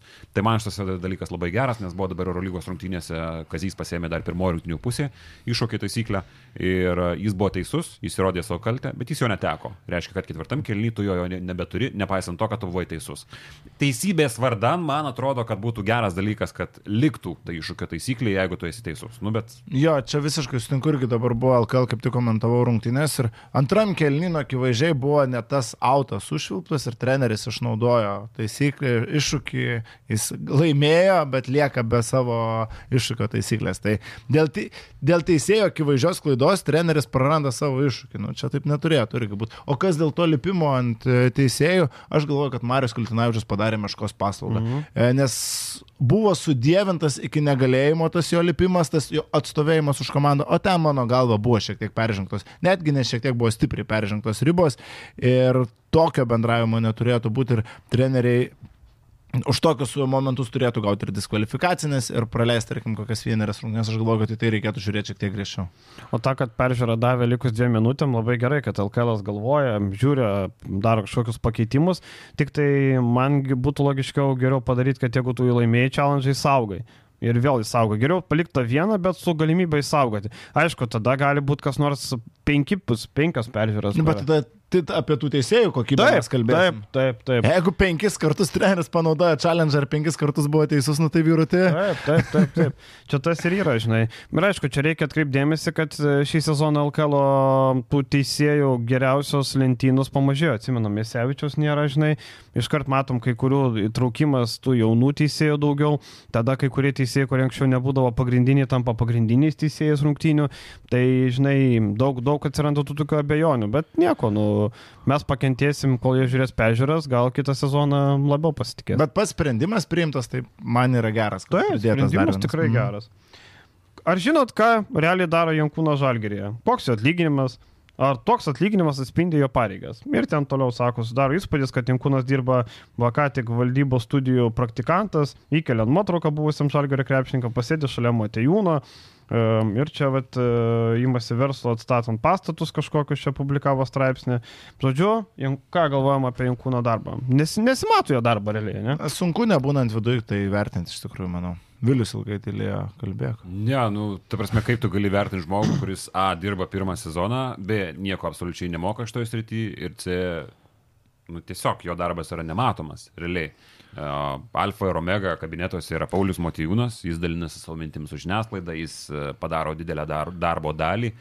Ir Jankūnas, jeigu jis eina dabartinės pareigas, tai jo vaidmuo nori, nenori bus didelis, bet e, tu nenorėki žmogaus. Prisiminkim, kad Robertas Jeftokas atsisėdęs pirmą kartą į savo kabinetą nemokėjo e-mailo išsiųsti. Tai man atrodo yra, yra... Čia rimtai? Buvo gandas toks, aš nežinau. O, ja. e, bet čia mes susidurėm su problema buvusių krepšininkų įdarbinimų į klubą, nes jie pripratę prie kosminių pinigų, prie kosminių algų. Ir čia va būtent Roberto Jeftoko pavyzdys kalba apie kokią algą Robertas Jeftokas gaudavo žalgyrį. Pala, kiek ten 15? Ne, mažiau, mažiau. 12? Mažiau. Ne, vienženklis. Vienženklis? Vienženklis, bet tai yra vis tiek. Aš tik girdėjau, kad ten 12 ar 10 aš buvo. apie 6 kažkas tokio, bet, nu, bet kokiu atveju už tą įgūdį, nu, ofise kas Lietuvoje uždirba 5000 eurų per mėnesį. Visiškai promasteriai, visiškai specialistai. Aš norėjau pasakyti, kad tas mokėjimas, nemokėjimas yra visiškai hiperbolizacija. Aš nežinau, ar tai buvo. Ne, e-mailą mokėjom, iš jūs neperėjo. Kuo LT visi galų galę turėjom, ten irgi jau būdavo e-mailai. Vaizdingas, vaizdingas palyginimas, bet kiek teko girdėti, turėjau pakankamai problemų pritampant prie to. Bet tai yra normalu, žmogus visą karjerą darėsi milijonus ant savo krepšininko karjeros, jis nedirbo ofise ir tai yra absoliučiai normalu. Jiem Jankūno atveju, jeigu jis dabar yra mažiau matomas, jeigu kažkokiais atsargiai žingsniukais dirba, tai yra absoliučiai normalu. Ta prasme, jis neturės absoliučiai nieko bendro su šitas rytim. E, žino tik tai krepšnio reikalus, bet e, ofiso reikalų kitų dalykų, ko gero, aš įsivaizduoju, nežino ir tai yra normalu. Bet tame esmė, kad va, už tą ofiso darbą, už tarkim, ne žaidėjų paiešką, dar kažkur turi būti adekvatus atlyginimas pagal tavo įgūdžius. Nes, na, kaip ir sakau, penkis gabalus virint Lietuvoje ofise, nu turi būti rimtas pats. Primenu, tai programeriui siūlė vieną, du tik tai, kur programeriai žinom, kiek Lietuvoje. Aš tik primenu, kad žalgiai atlyginimai tose rolėse, kur ten administrat, administratorė taip toliau yra labai nedideli. Taip, taip. Ir jūs galite pasižiūrėti, kad žalgis ieško ten kažkokio administracijos žmonių kurių atlyginimai labai maži, kaip tu sakai, programuotas, ten štukė 200. Nu dabar juniorai nuo dviejų kelia, juniorai, programuotojai, dabar programuotojai aukso amžiaus. Tai Jeftoko ten 5, 6 ar ten 9 yra visiškai neadekvatus. Dėl, dėl to tas buvusių krepšininkų įtraukimas į ofisą nėra toks paprastas dalykas. Nu ir tam pačiam Jeftokui, aš suprantu, eitų už, tarkim, dvi štukas dirbti žalgerį, nu, kai tu visą karjerą... Dabar su baldais vyrina ir 20-25 ten, tarkim, jau vos ne sezono gale. Nu, lygiai taip pat... Uh, būtinai čia šitie darbuotojai, kurie yra buhalteriai, dokumentų tvarkytojai ar dar kažkas, kurių vaidmuo, kaip kad sužinojom, tų naujokų situacija su Tayloru ir, ir, ir Polonaro, pats Motyvūnas sakė, kad buvo pakankamai didelis, nes reikia naktim dirbti, dokumentaciją ruošti, okei, okay, tas atlyginimas nėra didelis, bet mes žinom, kad, nu, bežininkaičio atlyginimas buvo tragiškai mažas. Iki tol, kol jis buvo išėjęs Jonavą, jeigu yra gandas, kad jis Jonavoje daugiau gaudavo pašieškų, nei kad dirbo Žalgerį, o jeigu remiantis tas kalbas, kokias, kiek jis gavo Žalgerį dar Eurolygos metu prie Šaro, nu, blemba. Iki 2000 aš girdėjau. Aš nežinau. Iki 2. Tai įsivaizduok, Biržininkaitis, tarkim, pagrindinis skato 2000, Jeftokas 5000. Normaliai? Nenormaliai. Kaip dainuoja sindikatas, ne? Nenormaliai. Va taip. Uh, gerai, toliau. Uh, čia klausimas. Tik pridedu, kuris... kad skauto darbas yra žvėriškai sunkus. Taip. Jeigu kas, kažkas dar galvoja, kad čia skautas nėra uh, head coach, bet skauto darbas yra nu tragiškai sunkus. Šiaip jau, aš esu matęs iš labai arti, tai, nu, blemba, aš nenorėčiau. Atvirai sakau, aš nenorėčiau. Taip, taip, taip. Krepšinis gali per visus galus pradėti. Didžiulė atsakomybė ir, ir daug juodų naktų. Uh, Arulė nesugadins Žalgirų Rūbinė su savo ego. Ir ar nereiktų jam paaiškinti pradžią nuo savęs, pradėti išmokti gintis ir panašiai. Ar ne per daug aplinkos mūlė yra iškeltas į padebesius ir prideda, kad pastebėjau, prieš šalytų pro ūlę net minėtas, kai prostovinti praėjo, su įgiu net pitakas nesumuša. A, nesutinku, visiškai. Ten komentaruose šiaip yra naratyvas, įveskime į klausimą, kad Ulė ir Brasdeikis e, neva viens į kitą nežiūri, neduoda paso ir viskas prasidėjo, aišku, nuo to, kad Ulė pasakė priekaištą. Jis nelabai pasą, matai, kad nu, čia pradėjo. Brasdeikis ten jo. E, žinai, kad e, neva Ulė po rungtinių Stambulė pasakė, kad Brasdeikis gerai žaidė, bet reikia nusimest, nudavė žodžiu pastabą kažkokią. Nei piktą, nei ten kažkokį priekaištą, nu, tiesiog pastabėlę. Ai, man tai čia išpūstas burbulas ir apskritai dėl Ulanovo, kai Ulanovas pataiko hero tritaškius, tai Ulanovas turi lyderystę, Ulanovas turi kiaušinius, Ulanovas mūsų dievas, Ulanovas vienerias rungtynės prašiau sužaidė ir e, greuna rūbinę su savo ego, nesidalina kamoliu ir taip toliau. Nu, Ulios ego, vienam sakinį mes dedam Ulanovas ir ego. Man, man irgi čia. Aš tą prasme nesuprantu visiškai iš to ir aš man atrodo, kad nereikia labai daug diskutuoti, nes uh, aš nesutinku su šito komentaru absoliučiai ir paliekam gal tai. Gal ten viešai, aš gal sutinku dalies, kad viešai, nežinau, ar ten reikėjo ten apie Brasdeikį pasisakyti, kad uh, ne viskas buvo gerai, gali ten uh, nusimest kamuolį daugiau. Gal ir nereikėjo, bet tai nereikia iš to irgi burbulo daryti. Ir nemanau, kad Brasdeikas uh, klausė ten ir labai susireikšmino, kad oi čia kaip Ulanovas drįso mane pakritikuoti, dabar neduosiu jam perdavimo. Aš suprantu, kad yra psichologinė pas Brasdeikį nuostata, aš nežinau, ar dar yra, bet kiek teko girdėti pirmą sezono pusę, kad jis čia taip žais kaip G lygo ir taip ir nueis su tokiais gerais stacijais, kaip kad parodė e, pirmo sezono savaitės, kai jis ten ir Eurolygoje patraukė, man atrodo. Prieš Makabį gerai sudėjo. Ar prieš Makabį kažkas tokio. Tai jis turėjo tą psichologinę nuostatą, kad aš taip žaisiu ir nueisiu, bet labai susidūrė su skaudžia realybė. Ir man gražu, kad kapitonas yra žmogus, kuris pasako tokius dalykus, nes kas tau daugiau pasakys. Tu viską nustumsi ant trenerio, eik, kas jį pašnekėsi, pasakyk jam, kad taip mes nežaisim. Ne, nu tai Rūbinė Hebra irgi apsitarė. Tai čia ego? Ne, čia yra savivertės turėjimas. Kaip tu kaip kapitonas priimi atsakomybę ir tu duodi žodinių pipirų. Ir natūralu, kad pačio Olanovo žaidimas, nu jis irgi kažkiek banguojas, negali visą sezoną žaisti žiauriai gerai. Šis sezonas yra jau. Kai komanda geras. žaidžia blogai, visi atrodo blogai. Taip. Tik man nepatinka vienas dalykas, kai komanda žaidžia blogai, Brasdeikis jau ant uh, tvoros užsilipęs, aš čia lyderis. Kur lyderis buvo, kai komanda skinė pergalės? Vat man šitas epizodas nepatinka. Visi, kurie šlovina Brasdeikio dviejų rungtinių atkarpą, atkreipkite dėmesį, kaip žaidė Žalgeris toje atkarpoje. Tai va būtent, kad svarbiausia yra komandinis rezultatas ir pergalė, kai Brasdeikis ištraukė, buvo rungtynės, kai ištraukė su Fenerbakčia, kai tai gavo traumą. Patraukė, bet pat, neištraukė. Nu, ir nu, laimėjo žalį. Ne, tai, mačą. bet kai laimi tokių skirtumų, ten nėra ištraukimas, ten yra patraukimas. Nu, jis tuo metu patraukė. Tam, tam čia išėmė pagrindinių žmonių ir prisidėjo svariai prie pergalės. Tai Taip. negali sakyti, kad visada prie gero Brasdeikio žaidimo žalgris pralaimi, bet faktas, kad jo geros atkarpos norisi, kad užtektų pergalėms, o ne tik, kad žalgris gauna į skudurus, o Brasdeikis darosi statistiką. Ne, to nereikia. Uh, kitas klausimas geras buvo. Ar nemanot, kad NKL netenka iš vis prasmės yra apie nieką lygą, jeigu ne Žalgirio, ryto jaunimas, Neptūno. Nu dabar Neptūno jaunimas jau iškris į RKL. -ą. Ten minus penkios pergalės ir nėra, nėra jokių perspektyvų įsikapstyti. Šiaip apie Neptūno situaciją, kai komanda LKL 9, o jaunimas paskutinis NKL labai daug pasako. Čia tu sakyk, ką nori. O šiaip NKL taip. Ir Jonas Vainauskas buvo pas mus laidoje irgi tą, patį, tą pačią mintį kalbėjo, kad jo siūlymas yra NKL įvesti ar amžiaus limitą, arba kad būtų, pavyzdžiui, vyresni vas 2 trys žaidėjai ir taip toliau, ir legionierių gal atsisakyti, arba e, gal atsisakyti visai ne, bet man irgi ta lyga apie nieką. Man, pažiūrėjau, visiškai neįdomi, kai žalgerio jaunimas rytas, okei, okay, bet ten aš nežinau, apie ką yra delikatesas, apie stavkės, apie ką yra dar kitos komandos. Mm, dėl amžiaus limito kažkokio įvedimo, tai aš nežinau, tai jeigu yra to krašto kažkoks veteranas, kuris žaidžia. Tai sakau, komandą, įvedam, tai tarkim, du veteranai, tarkim, 3 plus 33 žaidėjai, pavyzdžiui. Tik, na, kad Kauno rajono atletė žaidžia buvę aukštų tesnio lygio žaidėjai karjeros pabaigoje, ar tai yra kažkas blogo? Aš ne. Nieko blogo, bet pati lyga yra apie ką. Pažiūrėkit, dabar vat, pa, patarė, sako, pažiūrėk, šiais metais gal tik Pleikys ir Romančenko įsikabino LKL. E. Nors realiai ta lyga ir skirta tam, kad augintų žaidėjus, kurie eitų aukštyn. Bet matom, e, Pleikys žaidžia, žaidžia tik tuo, tą aplinkybę, kad Malmanis yra tragiškas. Toliau ir Gustys irgi tragiškas. Čia yra dvi aplinkybės. Romančenko yra atsarginis ketvirtas numeris, kuris pakeičia skučą. Tai Man tik tai uh, norėjosi visada, kad ta takoskira būtų, nu jį visada bus, čia faktas, tarp NKL ir LKL. bet kad jis šiek tiek sumažėtų. Jeigu mes turim visišką NKL MVP ir jis ateina į LKL, jis pirmą sezoną stringa.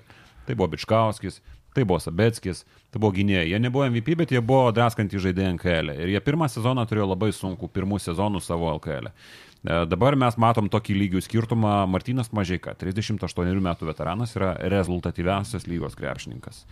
Kažką pasako, man atrodo. Tai lygių skirtumas yra didžiulis jaunimo vaidmens norėtųsi didesnio, labai daug e, maži miestai susiduria su, su tuo vaidmeniu, nes e, daug kas, nu, kelios komandos yra, kurios nori rezultato, e, turi dėl savivaldybių paramų įregistruoti kelis jaunus žaidėjus vietinius, nes žiūrėkit, mes irgi auginam savo jaunimą, galbūt dėl papildomų žmonių ten ateina pasižiūrėti tuos jaunuolius, bet jie sėdė ant suolo.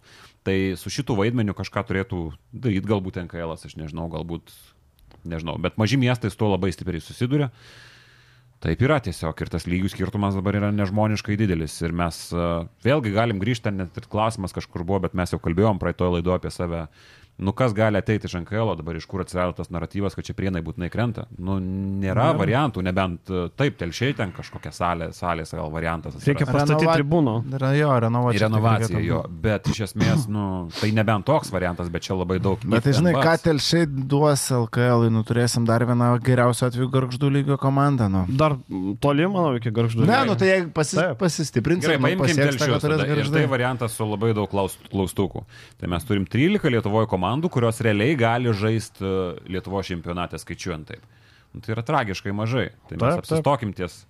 Aš visada buvau šalininkas idėjos, kad mažesnis skaičius lygoje komandų, bet turim aukšto lygio. Bet tai tada keturis ratus mušamės.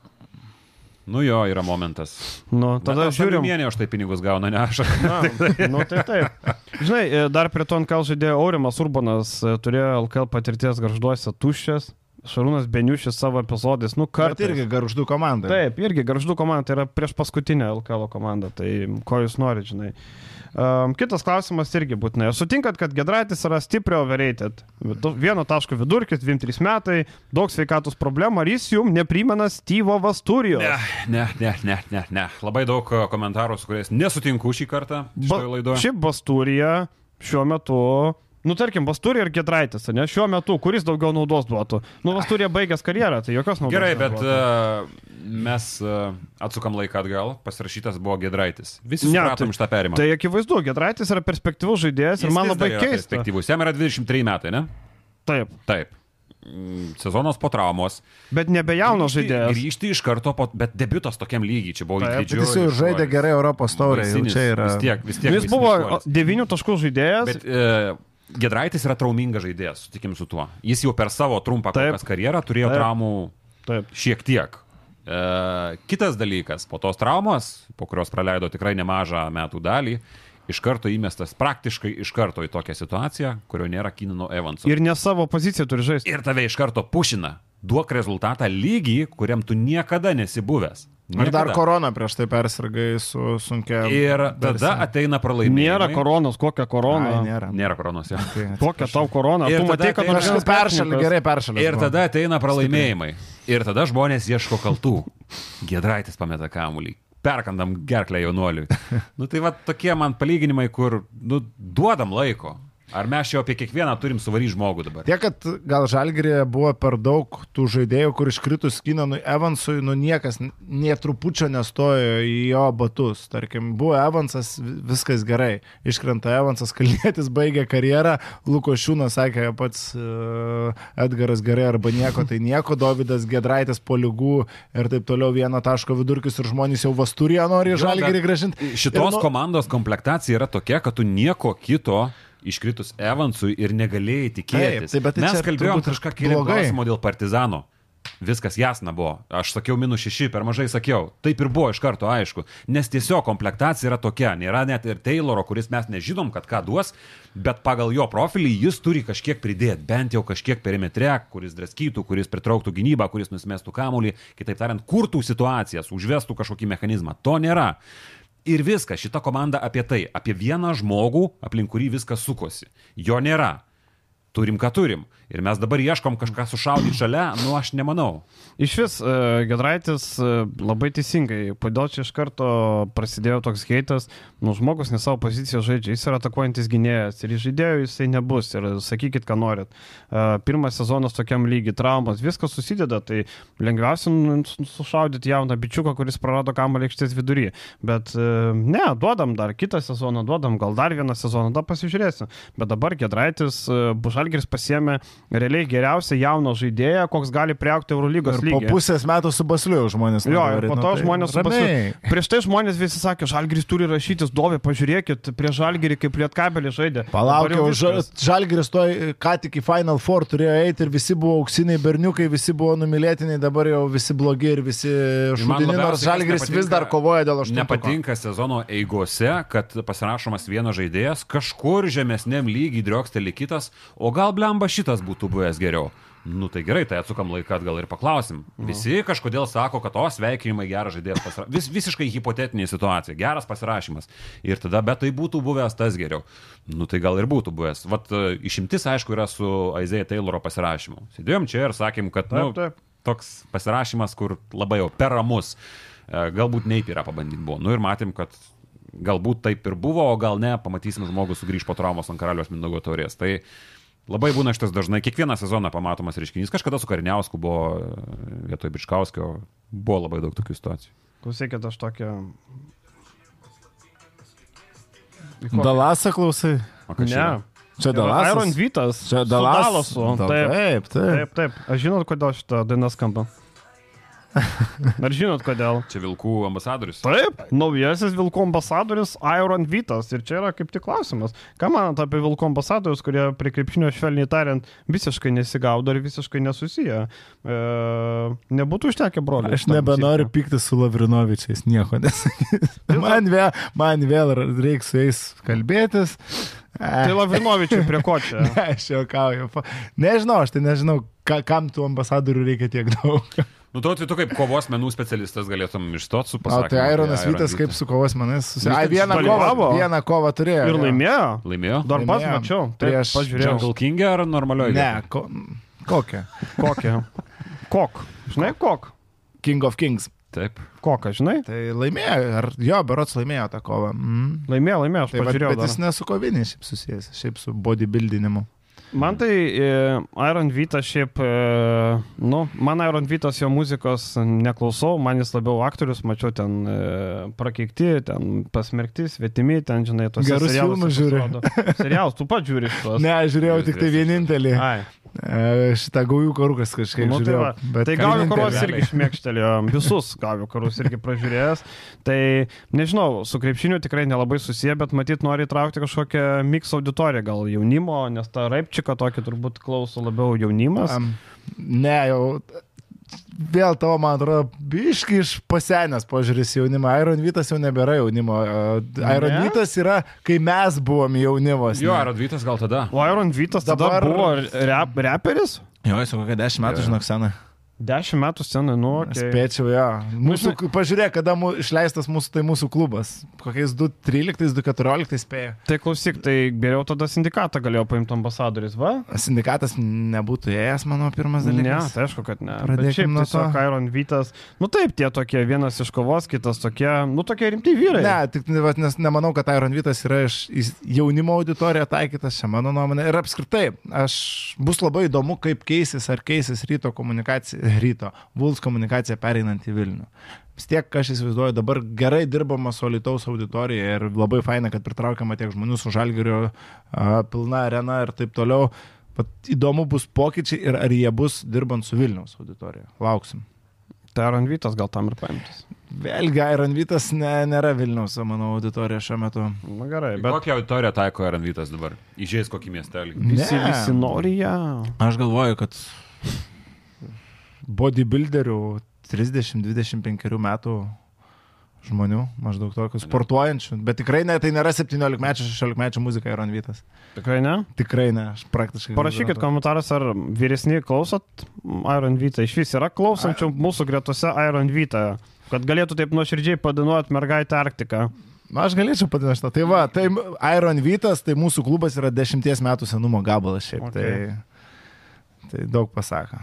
Gerai, ką manot, ar realu, kad kitą sezoną NBA bus ir Jokubaitis, ir Ažalas Tubelis? Uh, manau, kad uh, nebus ne vieno. Bet palauk, sakai, Ažalas niekaip. Manau, kad jį pašauks vėlai ir jis... Mm, Aš galvoju, G lyga, ne? Jo, ir blaškysis. Gal, galvokim taip, uh, antroji sezono pusė kitą sezoną nebus ne vieno. Na, Jokubaitis. Ašalas gali pabandyti, nes e, galbūt bus pašauktas, net dabar uh, tie pabraižymai preliminarūs, kokia jo galėtų būti vieta naujokų biržų yra, nu, nėra patys aukščiausi, antras ratas, kažkas tokį, antrą pusę netgi tas pats antras ratas. Tai nes, nu, žaidėjas su aiškiais trūkumais, aš jo ateitį bet kuriuo atveju matau Europoje labiau. Uh, kalbant apie Jokubaitį, norėčiau aš iš savo pusės, kaip krepšinio mylėtojas, uh, matyti jį Europoje. Uh, kaip žmogus linkintis gero, geros dušio žmogus, norėčiau, kad išsibandytų NBA ir ramė širdim parvažiuotų. Tai tokios, tokie du skirtingi pasauliai pas manęs mėginyse susiduria, bet jeigu reikėtų prognozuoti, manyčiau, kad nebus ne vieno. Aš galvoju, kad Tubelis debituos kitais metais NBA. Bet jo, debituot gali, kadangi jis gali būti veikiausiai bus pašauktas, dar. turės treniruočių stovyklą, gaus vietą komandoje ir paskui bus mėtomas tarp G lygos. Labai gali būti. E, aš žinau, kad e, Tubelio stovykla turi stiprų tikėjimą, kad jis bus pakviestas ir e, gal šansą NBA, bet matom prognozėse labai žema vieta šaukimo. Dažniausiai, kas pakviečiami antro rato pabaigoje, nu labai retai gauna daug šansų pasireikšti, ten būna įmėtomi į G lygą ir taip toliau. Tai aš daug nesipiešiu. Šiaip kas trūksta, tai metimo trūksta. Jisai atletikos NBA mastis atletika nėra nieko įspūdinga. Europoje jisai, manau, bus geras žaidėjas. Manau, tubelis Europoje bus geras žaidėjas, toks galingas atletiškas vidurio polėjas, bet NBA jisai kaip vidurio polėjas ne, o kaip ketvirtas numeris neturi metimo. Jeigu tubelis būtų prieš 15 metų, tai NBA, manau, būtų pakankamai aukštas šaukimas, nes tuo metu ketvirtų metų čia nereikėjo. Lebronas labai gerą e, pasakymą, tokią mintį pamastymui davė uh, savo intervę po šito mačo, kur tapo visų laikų rezultatyviausių žaidėjų. Sako, aš kai atėjau į lygą, buvo toks 70 žaidimas. Aš kai vėliau žaidžiau savo finalų su Sparsais, buvo 80 žaidimas. Dabar mes matom, kad krepšinis tiek yra nuėjęs į priekį, sako, ir aš pats automatiškai turėjau labai stipriai keisti su tuo, nes aš atėjau į vieną lygą, aš dabar esu visai kitoje lygoje. Lebronas nemestavo tritaško, atėjęs prastai labai mesdavo tritaško. Žiūrėkim, kaip Valančiūnas transformavosi. Nu. Tai va, tai tuos visus dalykus pasižiūrėjus tikrai taip. Um, dar vienas buvo geras klausimas, dabar jau blemba, pamečiau, kuris čia klausimas buvo. Kam tai sistema buvo? Jo, KMT sistema buvo. Ar, kaip galvojate, ar baigėsi su LRT sutartis, ar galima atsisakyti grupę etapų, koks naujas formatas jūsų nuomonė būtų geriausias? Ar nemanote, jog logiškiau būtų žaisti vienas rungtynės namie, taip padidinant šansą netikėtėm rezultatam? O kas iš tų netikėtų rezultatų? Pirmas klausimas, ar mes norime. Tai galima kad, tikėtis netikėtų. Ar mes norime, kad finaliniam ketvirtą žaistų nestipriausios komandos, aš tai ne, aš tai noriu tikėtų rezultatų aukščiausio lygio komandų finaliniam ketvirtą, tai pirmas dalykas. O dėl grupės sistem, sistemos pokyčių, čia klubam reikia spręsti. Pirmas dalykas, jeigu jiems reikia pirmojo sezono pusėje daugiau rungtynių, pasižais, mes matom, kad du Lietuvos klubai žaidžia Šiaurės Europos krepšinio lygoje. Na, Šiauliai ir Vulfs. Tai reiškia, tų rungtynių, kad ir to. Rytų? Šiaurės rytų Europos. Uh mhm. -huh. Jo, nu, nu žinom, apie ką kalbam. Smė, kad reiškia, komandoms reikia tų rungtynių, tai manau ir KMT grupių jos pačios nori. Aš tai galvoju, kad norėčiau pamatyti tą seną. Man kažkaip kažkokia romantika asociacija su futbolu sukėlė tas variantas, kuomet e, profesionalios LKL komandos yra traukiami burtai ir jos suporuojamos su NKL klubais. Kad ir kokios kartais apgailėtinos sąlygos nuvykos kokiam nors Juventusui į Marijampolę, bet e, man kelia kažkokią nostalgiją, romantiką ir man patinka. Nuo, plė, nuo ketvirtfinalio aš norėčiau turėti uh, iš dviejų rungtinių. Uh, kaip kad yra aišku dabar, bet ankstesniuose etapuose grupės, nu sorry, neįdomu. Tai yra absoliučiai blogai turnyro prestižo kilimui. Niekam neįdomu, man atrodo, nežinau, galite patikrinti klikus. Ne, ne, ne. E, tai žinau, dar ką galima talismanų kovas kokias. Yra. Aš iš vis norėčiau, kad, nu, tarkim, prasidėtų pirmie etapai su mėgėjų komandomis, kurios užsiregistruotų. Kažkada turim... buvo. Taip, taip, ir aš, aš, tai, aš tai norėčiau iš tos sistemos, kad, tarkim, aišku, neskau, kad LKL klubai turėtų pradėti žaisti nuo pirmo etapo. Ne, pradeda ten kapotis mėgėjai, mėgėjai kyla, kyla ir nuo kažkurio etapo. Bet kam to reikia? Kam tie mėgėjai reikalingi? Ar tai sutraukia auditorijas? O jeigu kažkuri mėgėjų komanda nueis iki, iki rungtynių su NKL klubu, nu jau bus įdomu, tarkim, Kauno A ar Vilniaus A mėgėjų krepšinio lygos jos gali žaisti su gali. NKL ar KL komandoms. Ar Bet tu žinai, kad varžybų organizavimas kainuoja organizatoriam pinigų? Nu, tai kainuoja ir mėgėjų krepšinio lygos organizavimas. Tai taip, tai aš ir organizavimas turi būti tinkamo kad... lygio, tu, tu turi žaisti nu. tada būtinai pas LKL komandas tu negali žaisti bet kur. Ir LKL nes... teisėjai turi būti ir filmuoti bent jau internetinį arba LRT rodyti. Ten pirmojo etapo, nu... Nu, blemba, žinai, arba tu darai normaliai, arba nedarai. Nu, jeigu tu nori normaliai, dabar, nu, FA taurė. Gerai, aš nesakau, kad reikia 60 mėgėjų komandų, bet tarkim 10 mėgėjų komandų iš lygos. Bet jos neturi sąlygų priimti kažkur kažką. Mokyklai sinuomos, sakyt, klausykit, bratkos jau baiginės rungtynės, jau mėgėjai atėjo persirengę stovi laukia žaisti. Tai ką tu nori, žinai, kiti atėjo. Tai man tik šiaip nepatiko Milašius pasakyta mintis, kad gal finalinio ketvirto komandai reiktų užbukinti vietą. Ne, Dabar keturios vietos yra ir dabar jeigu šiauliai, jo mintis buvo, kad gal ateityje, jeigu... Namų komandai. Taip, namų komandai. Kaip e, karaliaus taurė vyks. Tai dabar pasakykime, šiauliai yra, tai kaip tos kitas trys įsiaiškinti, kaip įsiaiškinti trys komandos, kurios patenka. Tai Jūs man pasakykite sistemą. Taip pat ketvirtfinalio principu, tik tai trys ketvirtfinaliai vietoj keturių. Trys ketvirtfinaliai vietoj keturių. Jo. Nu jo, bet, bet man tai nesąmonė. Tai tada tie šiauliai nedalyvauja? Per mažai vietų, matai, yra karaliaus taurėje, dalyvauja aštuonios komandos. Taip, būtent, tai ten yra, yra likusios septynios vietos, tai dėl tų visų septynių komandų, dėl septynių vietų ir kapojasi. O dabar tie, kur vyks Sevilijoje? Tie klubai, ne, Badalonai. Ai, Badalonai. Jo. Okay. Tai ir dar rodysim, tai bus labai gero krepšinio. Uh mhm. -huh. Tai LKL e, trim komandai palikti vietas, man irgi. Kur nors šiauliuose, klaipėdoje ar kažkur, nu, manau, kad labai blogai idėja. Taip, taip, aš irgi visiškai apnu šitos idėjos. Geras klausimas. Išrinkit po vieną lietuvį kitam sezonui. Žalgiriui, rytui, Vuls ir gal kažkokių užsieniečių norint. Nu, užsieniečių, tai užsieniečių, bet lietuvių. Aš va turiu Žalgiriui. Žalgiriui linkiu Roką Jokubaitį vietoj Luko Lekavičius pasimti. Uh, rytui E, davai, jūs dabar žalgeriui kažką. O su Jokubaičiu geras, šiaip ištraukiu, aš buvau tokį paprastesnį, visiškai Paulių Valinską pabandyti. Valinską pabandyti? Mm. Bet yra Dovis Gedraitis. Nelieka Lukošiūno, nelieka Kalniečio. Tai gal Sirvidį tada geriau vietoj Lukošiūno? Sirvidis irgi. No. Ar, o Kulboka? Kulboka? Mo. Apie Kulboką. Kulboką jau pasakėt, Jokubaitį pasakė, šiaip Jokubaitis buvo visiškai žemiausias man kabantis obolys atrodė. Aš nukabinsiu tą obolį, apie kurį dar nekalbėjom, tai yra uh, Rokas Gedraitis. Rokas Gedraitis, ok, mm. irgi geras. Nu, Tokį, bet, aišku, tai yra nu, neįmanoma. Bet labai brangus. Mes kalbam jo apie visiškai mm. utopinį variantą, bet gali palinkėti bet ko.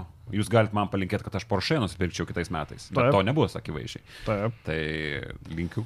Taip, va tiesiog. Rytui, ką galim palinkėti. Rytui, jeigu Žalgris nepaima Kulbokas, tai rytui Kulboką linkim paimti. Arba šiaip rytui norėčiau, kad Sušinską paimtų.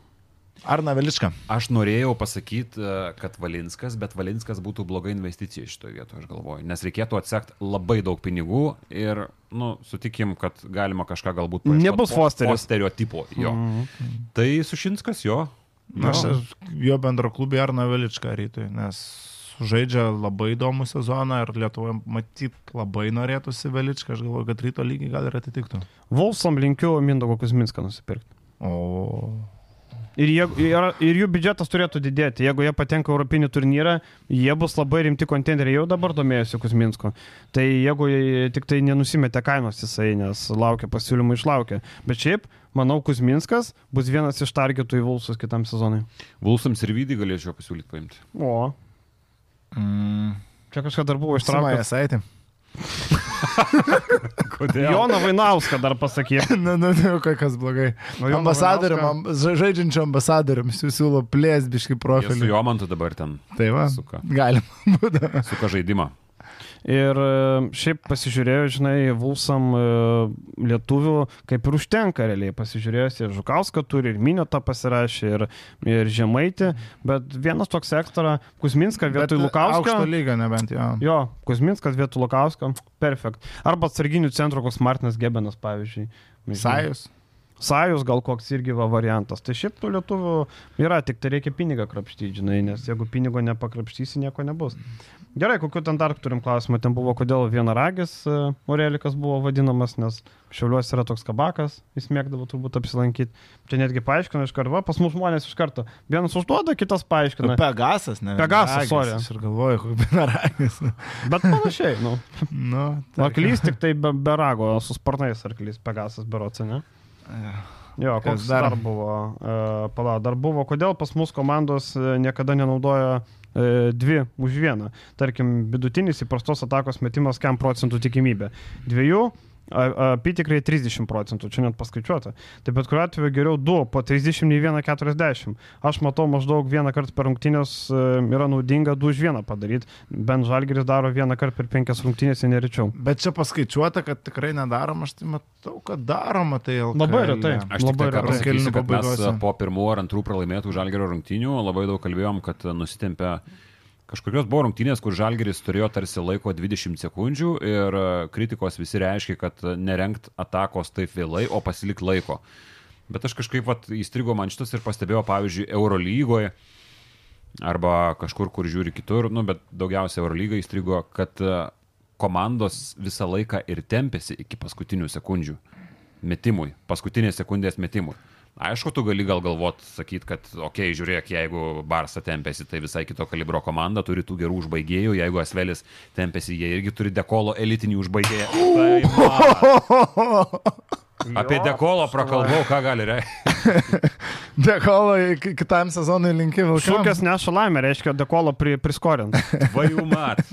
Nu, maladėts, pirksi stiklinę. Nu, bent tiek. Ne, jūs nežiūrėjote šito epizodo? Manau, žiūrės. Palauk, gerai, pabaigiam podcastą, paskui čia sutvarkysim. Ką čia sakyti, aš jau pamiršau, ką aš norėjau sakyti. Aš kaip tik norėjau tokių linksmesnių dar pabaigai. Vat, e, Totvidai, ką manai apie Šeškos pasakymą? O čia tavo Šeškos, vat. E, Edvinas. Edvinas, ne, aš. Jis ne, buvo laidoje 3 nuo lentos. Jie trumpai sakė, Kubilius darė viską, kad prienų nebūtų alkelė. Ką manai apie savo brolį, klasioką, grupioką. Tik reikėjo Edvinui ir Virginijai išnekėti taip garsiai, kaip buvo Kubilius, dabar palaiko. Nu, labai... Edvis, būkime atviri, kalbėjo. Nu, jis pirštų rodė į rūbį. Bet... Jo, aš girdžiu iš prienų vietinius e, žmonių, kad dabar yra situacija geresnė ir geresnė organizuotumo prasme, kad Milaševičius sutvarkė tuos elementarius dalykus, kurie buvo nesutvarkyti. Tai va čia va didelis pliusas organizacijai. Tai reiškia, buvo elementarūs dalykai blogai. O ar Čia buvo, kaip Edvinas pasakė, nu, gal kiek per stipriai. Man kitas užkliuvo, ką pasakė Edvinas, sakė, kad e, podcasteriai čia kalba, kad pas tėvą treniruočio nėra, tai vad norėčiau vat, paimti ir dėti, pasakyti, kad čia jūs e, kaip galite kalbėti apie krepšinį, jeigu nežinot dėl tų treniruočių. Tai va šitas man va, užkliuvo, ar kas nors sakė, kad pas e, Virginijų nėra treniruočių sakėm, ar lengvas. Žaidėjai, žaidėjus, taip sakant. Neva lengvas. Nu taip, aš tiesiog noriu pasakyti, kad tas naratyvas yra atėjęs iš žaidėjų. Aš esu, okei, okay, ten yra kai kurie karjerą baigę žaidėjai, kurie sakė, vienas yra karjerą nebaigęs, man yra pasakojęs valandų valandas, kaip pašeško vyko treniruotės, kaip kortom žaidė ten kažkas. Tai iš to ir ateina. Čia ne mes sugalvojom, čia ne aš, ne ten Karolis, ne ten Pakienas, ne dar kažkas sugalvojo.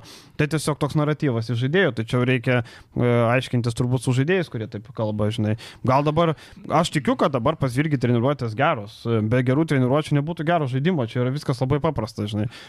Tai tos treniruotės gali būti skirtingų tipų, aš e, niekas nesakė, kad jų nėra, jos sakė, kad jos yra tam tikro tipo ir aš e, ne tik iš žaidėjų esu girdėjęs, aš esu girdėjęs ir iš e, žmonių, kurie dirbo kartu trenerių štabuose. Man Kadžiulis yra pasakojęs, kaip, kaip kortom žaisdavo, nu tai...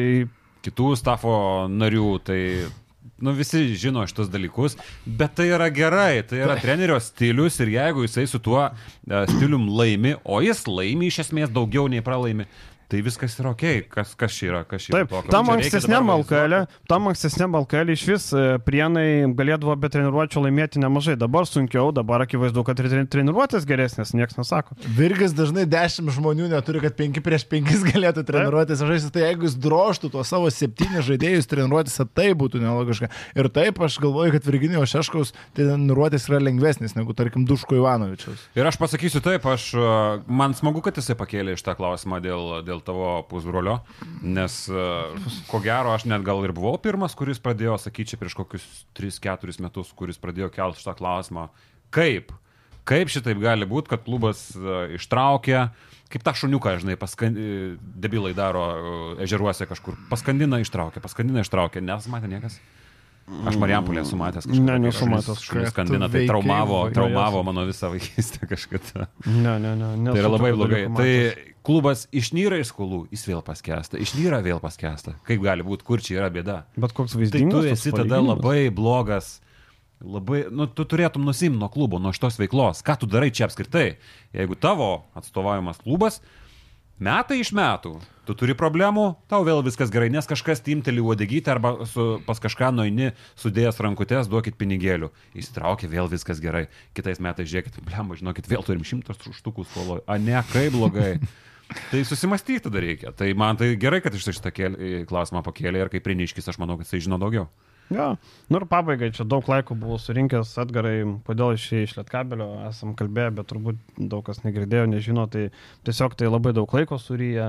Mm. Va, vyrai, kurie komentuoja ypač tautvidas LKL rungtynės, e, išvažiuoti, išvažiuoji iki Panio žino Vilnius pusantros valandos, atvažiuoji pusantros valandos prieš rungtynės 3, rungtynės 2 valandos, po rungtynių grįžimas tai 7-8 valandos, tai pilna darbo diena.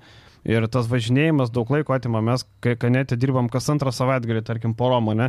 Tai jeigu tavo dar per tavo laisvą savaitgalį reikia važiuoti į Panevežį, tai tu dirbi non-stop, dirbi penkias dienas per savaitę, e, savaitgalį į Panevežį, tada dar penkias dienas atidirbi darbo dienas ir dar savaitgalį dvi dienas dirbi. Dar tada ateina dvigubo Euro lygos savaitę. Jo, nu tai čia yra beprotybė, žinai, tai aš ir taip daug metų nei vieno grajos nepraleidau, tai vis sukryzdavo, kad nei kažkokios lygos, nei kažkas ten, net sirgdamas važiuodavo ir taip toliau. Tai ten yra tiesiog... kur jo, kur vis dviejos rungtynės, jo, e, tai Europos taurė arba ten buvo čempionų lyga.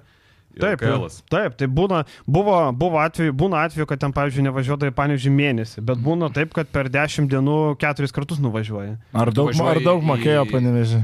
Nu, ne, ne tiek, kad apsimokėtų važinėti. Viskas labai paprasta. Ne aukso kalnai, akivaizdu, žinai. Tai... Aukso veršių nebuvo Beliauskas pastatęs. Atgarai pasilik mes tą aukso veršių. Buvo... Atveda Teličaitę su varpeliu. Buvo rūkytas bebras. Gerai. Aukso Teličaitės nebuvo, bet rūkytas bebras, pavyzdžiui, buvo. O, bebras. Rūkytas bebras. Tam vipė. Taip, vipė, buvo rūkytas bebras. čia, čia mes apie gyvūną kalbam, ne apie... Ne, man, tai, ne, man tai įspūdingiausia, kad ten sudėtos būtų. Lietkabelį dar dabar yra... E, spaudos konferencijų salė yra užleista rūkytam bebrui, o spaudos konferencija vyksta už kažio. taip, taip, nes kambariukė, kad visi rėmėjai galėtų pabendrauti, būtų... būtų... Ar moterų rinktinės rungtynių laukia šiandien? Reikia. Ne, nelaukiu. Nežiūrėsi? nelaukiu, nežiūrėsi.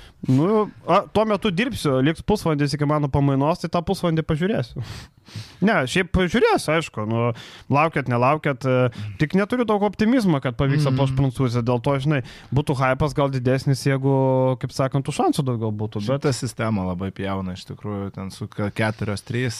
Tai jeigu pralaimėsim, nebus jau šansų, ar reikės ukrainietės daug laimėti? Teoriškai liks, bet praktiškai tai aš įsivaizduoju nelabai. Reikia žiūrėti kitas grupės ten, kas, bet su dviem e, pralaimėjimais iš antros vietos jau išeiti yra sunku, nes kitose grupėse bus jaučiukas po vieną, tai bus pralaimėję. Reikia reik, reik skaičiuoti, bet idiotiška sistema ir labai gaila, jeigu moterų rinktinė nukentės nuo to ir vėl liksim be čempionato iš tikrųjų.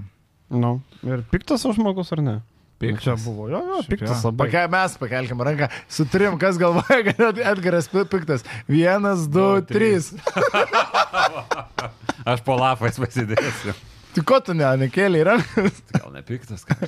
Net čia tas piktumas. Kokias laimę atnešė?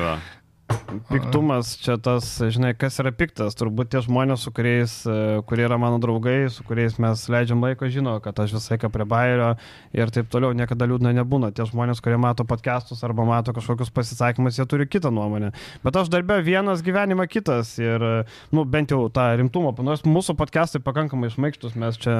Ne, tai palojam kartais, ne? Ne, tai palojam, bet tai nėra piktumas, žinai, kartais yra dalykai, kur tu nori pasakyti griežčiau, bet kažkada gal nepasakai griežčiau kartais nori e, pasakyti švelniau, bet pasakai griežčiau tam, kad kažkur kažkokį pajudinti užsistaburėjusi pamatą, kaip sakant, ar kažkokį dalyką. Tai, bet e, šiaip e, tas pykti, žinai, vieną dieną geros nuotaikos, kitą prastesnės, bet all in all, mm, prieš dešimt metų gal buvo gerokai piktesnis, žinai, būdavo, nori tam, tam padaryti, tam čia, tam duok čia. Ne, ne, ne apie muštinės, tiesiog. Molotovo kokteilį mes. Molotovo kokteilį mes, žinai, ne, nebuvo tuo metu studijoje, žinai, gal prieš dešimt metų, žinai, bet dabar dabar, dabar jau viską žiūri žymiai šalčiau, tipo, jau kažkas galvoja, kad piktas. Ypač dar, dėl darbo reikalų, kas liečia, tai tas piktis, ta prasme, jis išnyksta visiškai, ta prasme, ten kas jo. konkurencija ar dar ten kažkoks, kažkoks piktumas, tai to, to jo, su metais ir tą patį krepšinį žiūri daug, daug pozityviau, bent jau mano atveju. Jo, jo, jo, žinai, ir mes, man atrodo, pradžioje, kai pradėjom laidas, irgi buvo daugiau tokio pykčio, daugiau gal lojom, man atrodo, kad daugiau gal buvo tokio, daugiau negatyvo, dabar mes praeina kažkiek laiko, dabar jau stengiamės pasižiūrėti, nu gerai, nu, Masiulis blogai žaidžia, ai, nu nekalbam, nu, Lukošiūnas, nu, komentaruose žmonės ten privalgo, ką mes ten, žinai, mes netam susėdė, kad Senstam. suvarytume. Jo, senstam, kad suvarytume Lukošiūną ar, ar, ar Masiulį, žinai. Kada mūsų išstums kažkas e, iš, iš podcastų, ne tik mūsų, kas dabar daro, pakeinai visokie. Kada ateis kažkas, kur? Kas pakeis pakeitimą? Ar apskritai, mūsų, kada, visus, kada podcastai mūsų... atsibo žmonė, va čia įdomus. Mes pradėjome prieš kiek? 4-5 metus. Mhm. Kažkada ateis laikas, kada viskas baigsis. Kas ateis, jaunimas yra? Nėra. Tavo redaktorius, tu žinai. Nėra. Man, man reikia žmonių į portalą ir nėra. Mes nėra. pusę metų žmogaus ieškom kanetą. Mm. Nėra žmonių. Nėra žmonių. Aš nenoriu, žinai, iš gatvės paimti žmogaus, man reikia žmogaus, kuris mokėtų deliverintų, žinai. Mm. Man reikia Davido Gedraičio, kad nepersivarytų kamulio. Man reikia Kino Evanso. Tai nėra Kino Evanso. Nu, bent jau Azija Tayloro. Gedrelis galėjo būti Kinas Evansas. Galėjo būti, bet man Azija Tayloro reikia. Nu, bent jau Azija Tayloro reikia, nes mes Kino Evansą brūžo praradom, o Azija Tayloro nėra rinkoje. Tai, nu labai, tai tu pasižiūrėk, kokio jaunimo yra kitur, nu kiek to jaunimo yra. Mm. Tai ir su tais pačiais komentatoriais pasižiūrėk, atėjo kažkiek naujų jaunų, bet jų nėra daug. Tai Petkus yra išimtis. Danas kažkiek va bandosi komentuoti irgi tobulėja. Danas kaip tik pas mus dirba. Jo, tai Danas, Danas tikrai turi perspektyvos, aš įsivaizduoju, gana nemažai. Petkus jau ne, net negali sakyti, kad perspektyvos turi, jau komentuoja aukštam lygiai, bet daugiau. Nu, aš, aš kaip tai aš turiu tą, ne tai, kad fetišą aš pasiklausau, man įmeta ir patys žmonės RKL transliacijų mm. NKL, tipo maždaug, nežinau, kad aš pats nuo NKL dugno pradėjęs komentuoti nuo visiškų internetinių ir, ir aš nemažai paklausau, tu manęs ir Zoom TV kartais paprašo, kad, tipo, ar žinai kažką iš jaunų naujų komentatorių, ką galėtum rekomenduoti. Ką moka Zoomai už NKL dabar? Šiaip žinau, gana normaliai. Ką moka? Negaliu aš pasakyti, man atrodo, plus gal keitėsi čia kokią metus. Daugiau, žinok. Šiam. Kažkas tokio. Tai negali sakyti, bet paskai. Na, nu, aš sakiau kažkas. Bet palauk, bet galima komentuoti iš vietos ar reikia važiuoti? E, dabar jau yra galimybė komentuoti iš vietos. Nes aš mačiau Danas dėjosi. Jo, tai gali komentuoti iš namų. Plus, jeigu tu esi studentas, jeigu tu nori kabintis, tai yra labai... O Danui gerai sekasi, kaip, kaip tavo, aš ne, nesu girdėjęs. Aš esu, esu kom... girdėjęs kažką į Eurobasketą. Aš esu komentavęs su juo 3 prieš 3, tai man labai patiko. Esu girdėjęs jo Eurobasketo rungtynės, ne visas, bet pasiklausiau, vad, grinai dėl įdomumo. Nes tai. Danas geras vyras nori, kad mm. pasisektų. Taip, taip, taip. taip, taip, taip. Tai vad yra, yra, bet, bet, bet. Mm. O kas ištums podcastus, tai aš galvoju, kad atsibos žmonėm anksčiau ar vėliau, ne? Atsibos jo, kažkada, kažkada išeis. O man atrodo, kad taip greit neišeis, kaip mes išeisim, man atrodo. Matai, šitą kartą, kuri įstojo į podcastus jų klausyti, ji dar, ji dar pakankamai ilgai gyvuos, man atrodo, nes taip, tas vidurkis, tai ką aš ir sakau, skaičius sakyti, tai jie dar bus. 25, 34. Tas augimas baigsis, aš esu tikras, nes jis dar vyksta tas augimas, bet jis baigsis kažkaip. Tik tokio kartą mūsų jau neklausys, tarkim, ir podcast'o, aš įsivaizduoju. Ne, ne, gal per ilgai bus. Mm. Bet žinai, niekada niekas nepasikeis, kad e, kelionė kelionės automobiliu ilgos, dar kažką, žinai, nu tai tie dalykai. Nu jo, tik tokia irgi pradės mašiną. tai va, viskas, užteks, tai jeigu kas nors turit patirties krepšinį ir nori dirbti, raštelkit, gal sustarsim. Mum krūvė sumažės. Jo, mums krūvė sumažės, kaip sakant. E, tai va, tai ačiū visiems, pasimatysim kitą penktadienį, nes ketvirtadienį vasario 16. Tai viso geriausio, geros valentino dienos. Iki. iki.